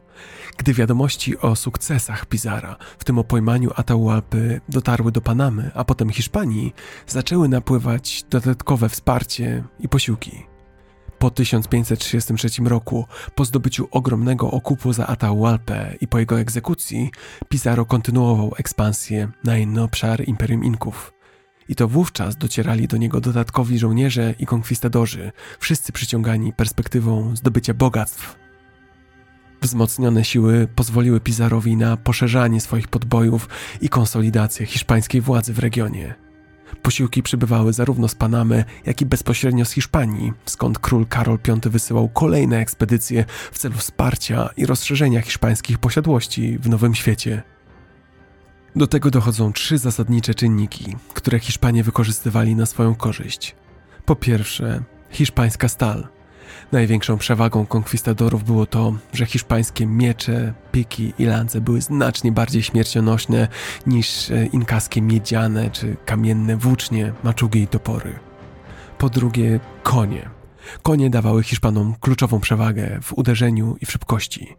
Konkwistador na koniu mógł uderzyć mocniej, sięgać mieczem dalej, mógł wykorzystać szybkość i mobilność swojego wierzchowca do wbicia lancy i mógł to zrobić bez zbliżania się do broni trzymanej w ręku przeciwnika. Do tego dochodzi psychologia. Pędzący na was koń jest psychologicznie przerażający, jest dominujący dla tłumu, a Inkowie nigdy nie nauczyli się formować w szeregi, by odpierać kawalerię. Po trzecie, taktyka. Hiszpanie, pomimo przeciwności losu, pozostawali zjednoczeni. Pod presją, pod naporem wroga, nawet w zasadzkach trzymali się razem, z instynktowną wręcz solidarnością. Przykładem może być postawa sił Pizara pod Kachamarką, gdzie przewaga liczebna Inków była przytłaczająca, a mimo to w obliczu nieznanego Hiszpanie w ciemno poszli za Pizarem i w ten sposób pokonali i pojmali Atahualpę. Nie myślcie jednak, że Inkowie byli taktycznie nieudolni. Na przykład bitwa pod Villaconga. Starcie to stoczone w połowie listopada 1533 roku, kiedy Inkowie nie mieli jeszcze żadnego doświadczenia w walce z hiszpańską bronią na otwartym polu, było doskonałą zasadzką. Inkowie wykazali się wyczuciem czasu i zrozumieniem hiszpańskich słabości. Dopadli hiszpańską straż przed nią pod dowództwem Hernando de Soto. Było to o zmierzchu, po długim dniu marszu. Inkowie atakowali w dół zbocza i z zaskoczenia. Wykorzystali teren do perfekcji. Byli wówczas naprawdę blisko pokonania Hiszpanów. Wedle relacji podeszli tak blisko, że nawet położyli ręce na końskich ogonach. Ale De Soto i jego ludzie wywalczyli sobie drogę na szczyt zbocza i utrzymali się tam aż do przybycia odsieczy. Śmierć poniosło 800 Inków, a w bilans starcia pięciu Hiszpanów zginęło, stracono dwa konie. Wydaje to się bardzo niewiele, ale to właśnie pod Villaconga Hiszpanie ponieśli większe straty niż we wszystkich pozostałych razem bitwach z Inkami. Niech to będzie przykładem tego, jak nierówną walkę toczyła jedna cywilizacja z drugą. Tak więc podbój trwał dalej. Hiszpanie zostali poddani ciężkiej próbie na północnych terytoriach, gdzie stacjonowały armie Inków. Lecz wojownicy inkascy byli w dużym stopniu zależni od swoich dowódców.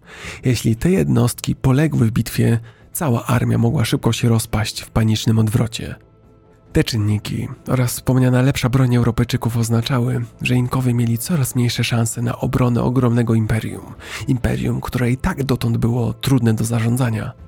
Inkowie co prawda z czasem nauczyli się walczyć i radzić sobie z konnicą, na przykład zalewając atakowane obszary wodą albo walcząc w gęstym, trudnym terenie, ale je włócznie, proce i maczugi nie mogły równać się z kulami, kuszami, mieczami i stalowymi pancerzami. Wkrótce Hiszpanie zyskali także sojuszników. Niemal połowa populacji dawnego imperium stanęła po ich stronie, a stare rywalizacje i frakcje odżyły na nowo. Dobrze widać tu, jaką tragedią dla Inków było to, że Pizarro zabił ich władcę. Hiszpanie szybko przekonali się jednak, jak rozległe geograficznie jest ich nowe imperium, jak trudne jest w komunikacji. To dokładnie te same problemy z zarządzaniem, co poprzednio rozwiązywane przez Inków.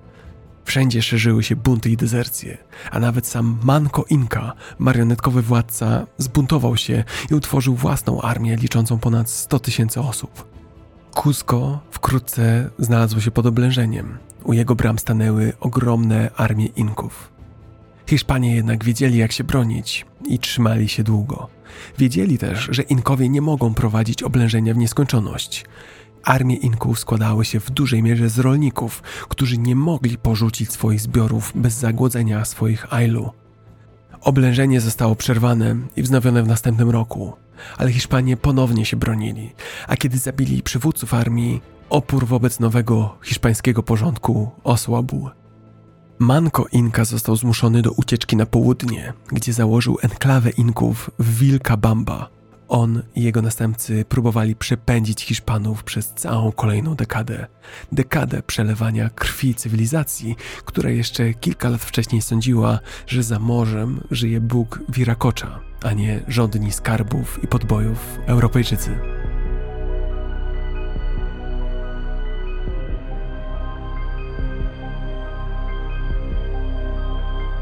Pizarro był bezwzględny podczas tej wojny, szczególnie w stosunku do schwytanych dowódców Inków. Żona Manco Inki, Kura Oklo, została schwytana, torturowana i stracona. Przywódcy tacy jak Wilak Umu i Tisok zostali spaleni żywcem. Zrozpaczeni Inkowie w pewnym momencie posuwali się do desperackich kroków. Kiedy Manco Inka nie mógł bezpośrednio zasadzić się na Hiszpanów, palił uprawy, aby ich zagłodzić. Ta strategia spowodowała głód w południowym Peru w latach 1540-41, głód, który zabił 30 tysięcy rdzennych mieszkańców. Ostatnią wielką nadzieją Inków było to, że niepokonani konkwistadorzy zniszczą samych siebie. Rywalizacja pomiędzy Almagro a Pizarro była w toku. Konflikt między Francisco Pizarro a Diego de Almagro wynikał ze sporu odnośnie podziału zdobyczy na nowo podbitym terytorium Inków. Głównym punktem spornym była kwestia miasta Cusco, które obaj uważali za należące do siebie. Spór o Cusco szybko przerodził się w otwartą wrogość, doprowadzając do serii konfliktów zbrojnych. Kulminacją rywalizacji była bitwa pod Las Salinas w 1538 roku, w której to siły Pizarro pokonały armię Almagro. Almagro został pojmany i skazany na śmierć. Aby umocnić swoją dominację nad Inkami, Pizarro wziął za kochankę narzeczoną Atahualpy, Kusirimaj Oklio. Została nawrócona na chrześcijaństwo, ochrzczona i nadano jej nowe imię Donia Angelina Ania Schupankę.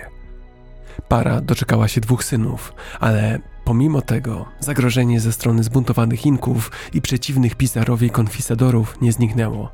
Hiszpański podbój Peru po tak łatwym początku stawał się naprawdę skomplikowaną sprawą. Lata mijały i dopiero wówczas zwycięstwo pojawiło się na horyzoncie. Brat Manco Inki, Pauliu, został nowym marionetkowym władcą Inków. Dzięki sprytnym manewrom politycznym i strategii wojskowej Pizarro w końcu podbił Imperium Inków. Ale problemy Pizara wciąż trwały. Jego niechęć do nowych twarzy, biurokracji i do ingerencji ze strony Hiszpanii sprawiła, że nie otoczył się ludźmi, którzy najlepiej potrafili rządzić nową kolonią hiszpańską. Jego inną błędną strategią było faworyzowanie własnej rodziny. Dał swojemu młodszemu bratu Gonzalo Pizarro tytuł gubernatora Charcas, czyli większości dzisiejszej Boliwii. Ten nepotyzm szerzył niezadowolenie wśród innych konkwistadorów, a zwłaszcza wśród tych lojalnych wobec zabitego Almagro. Co gorsza, śmierć Almagro nie zakończyła konfliktu. Jego syn, Diego de Almagro El Mozo, dążył do zemsty. Doprowadziło to do dalszych walk, a ostatecznie do zamachu na Francisco Pizarro w 1541 roku. Pizarro został zabity w swoim pałacu w Limie przez grupę zwolenników Almagro. To zakończyło jego panowanie, ale to również zapoczątkowało długotrwały okres wewnętrznych walk o władzę w Peru. Widząc, jak grabiony jest nowy świat, w 1542 roku hiszpański rząd podjął kroki mające na celu regulację podbojów i złagodzenie brutalności wobec rdzennej ludności.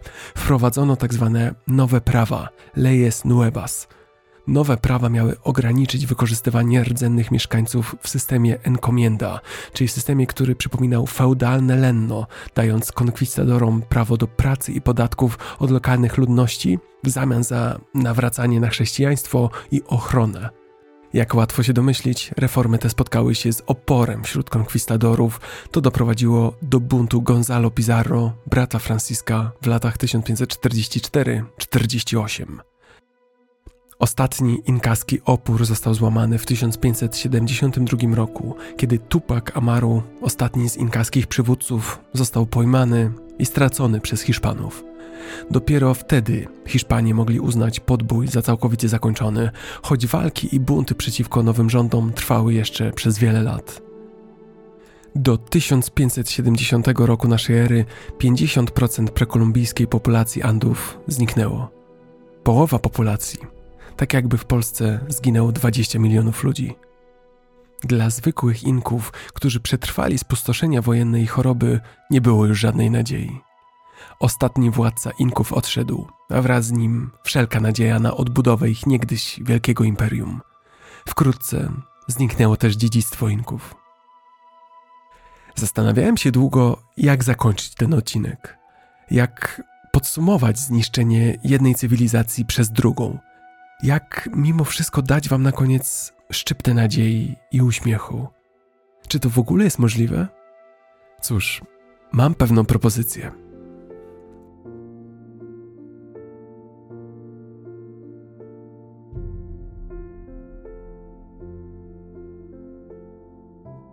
Znajdujemy się w nowoczesnym mieście położonym w majestatycznych Andach. Drapacze chmur wznoszą się ku niebu. Ulice tętnią życiem, samochody trąbią, ludzie ze smartfonami w rękach śpiesznie kroczą po chodnikach, a cyfrowe billboardy migają najnowszymi reklamami. Kawiarnie przepełnione są aromatem południowoamerykańskiej kawy, a parki żyją śmiechem dzieci i rozmowami ludzi cieszących się słonecznym dniem.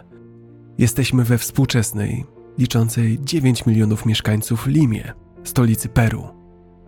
A teraz pozwólmy naszym umysłom trochę powędrować – Zamknijmy oczy i wyobraźmy sobie przez chwilę, że to miasto ze swoim współczesnym sznytem i rytmem XXI wieku nie jest częścią dzisiejszego Peru, jakie znamy.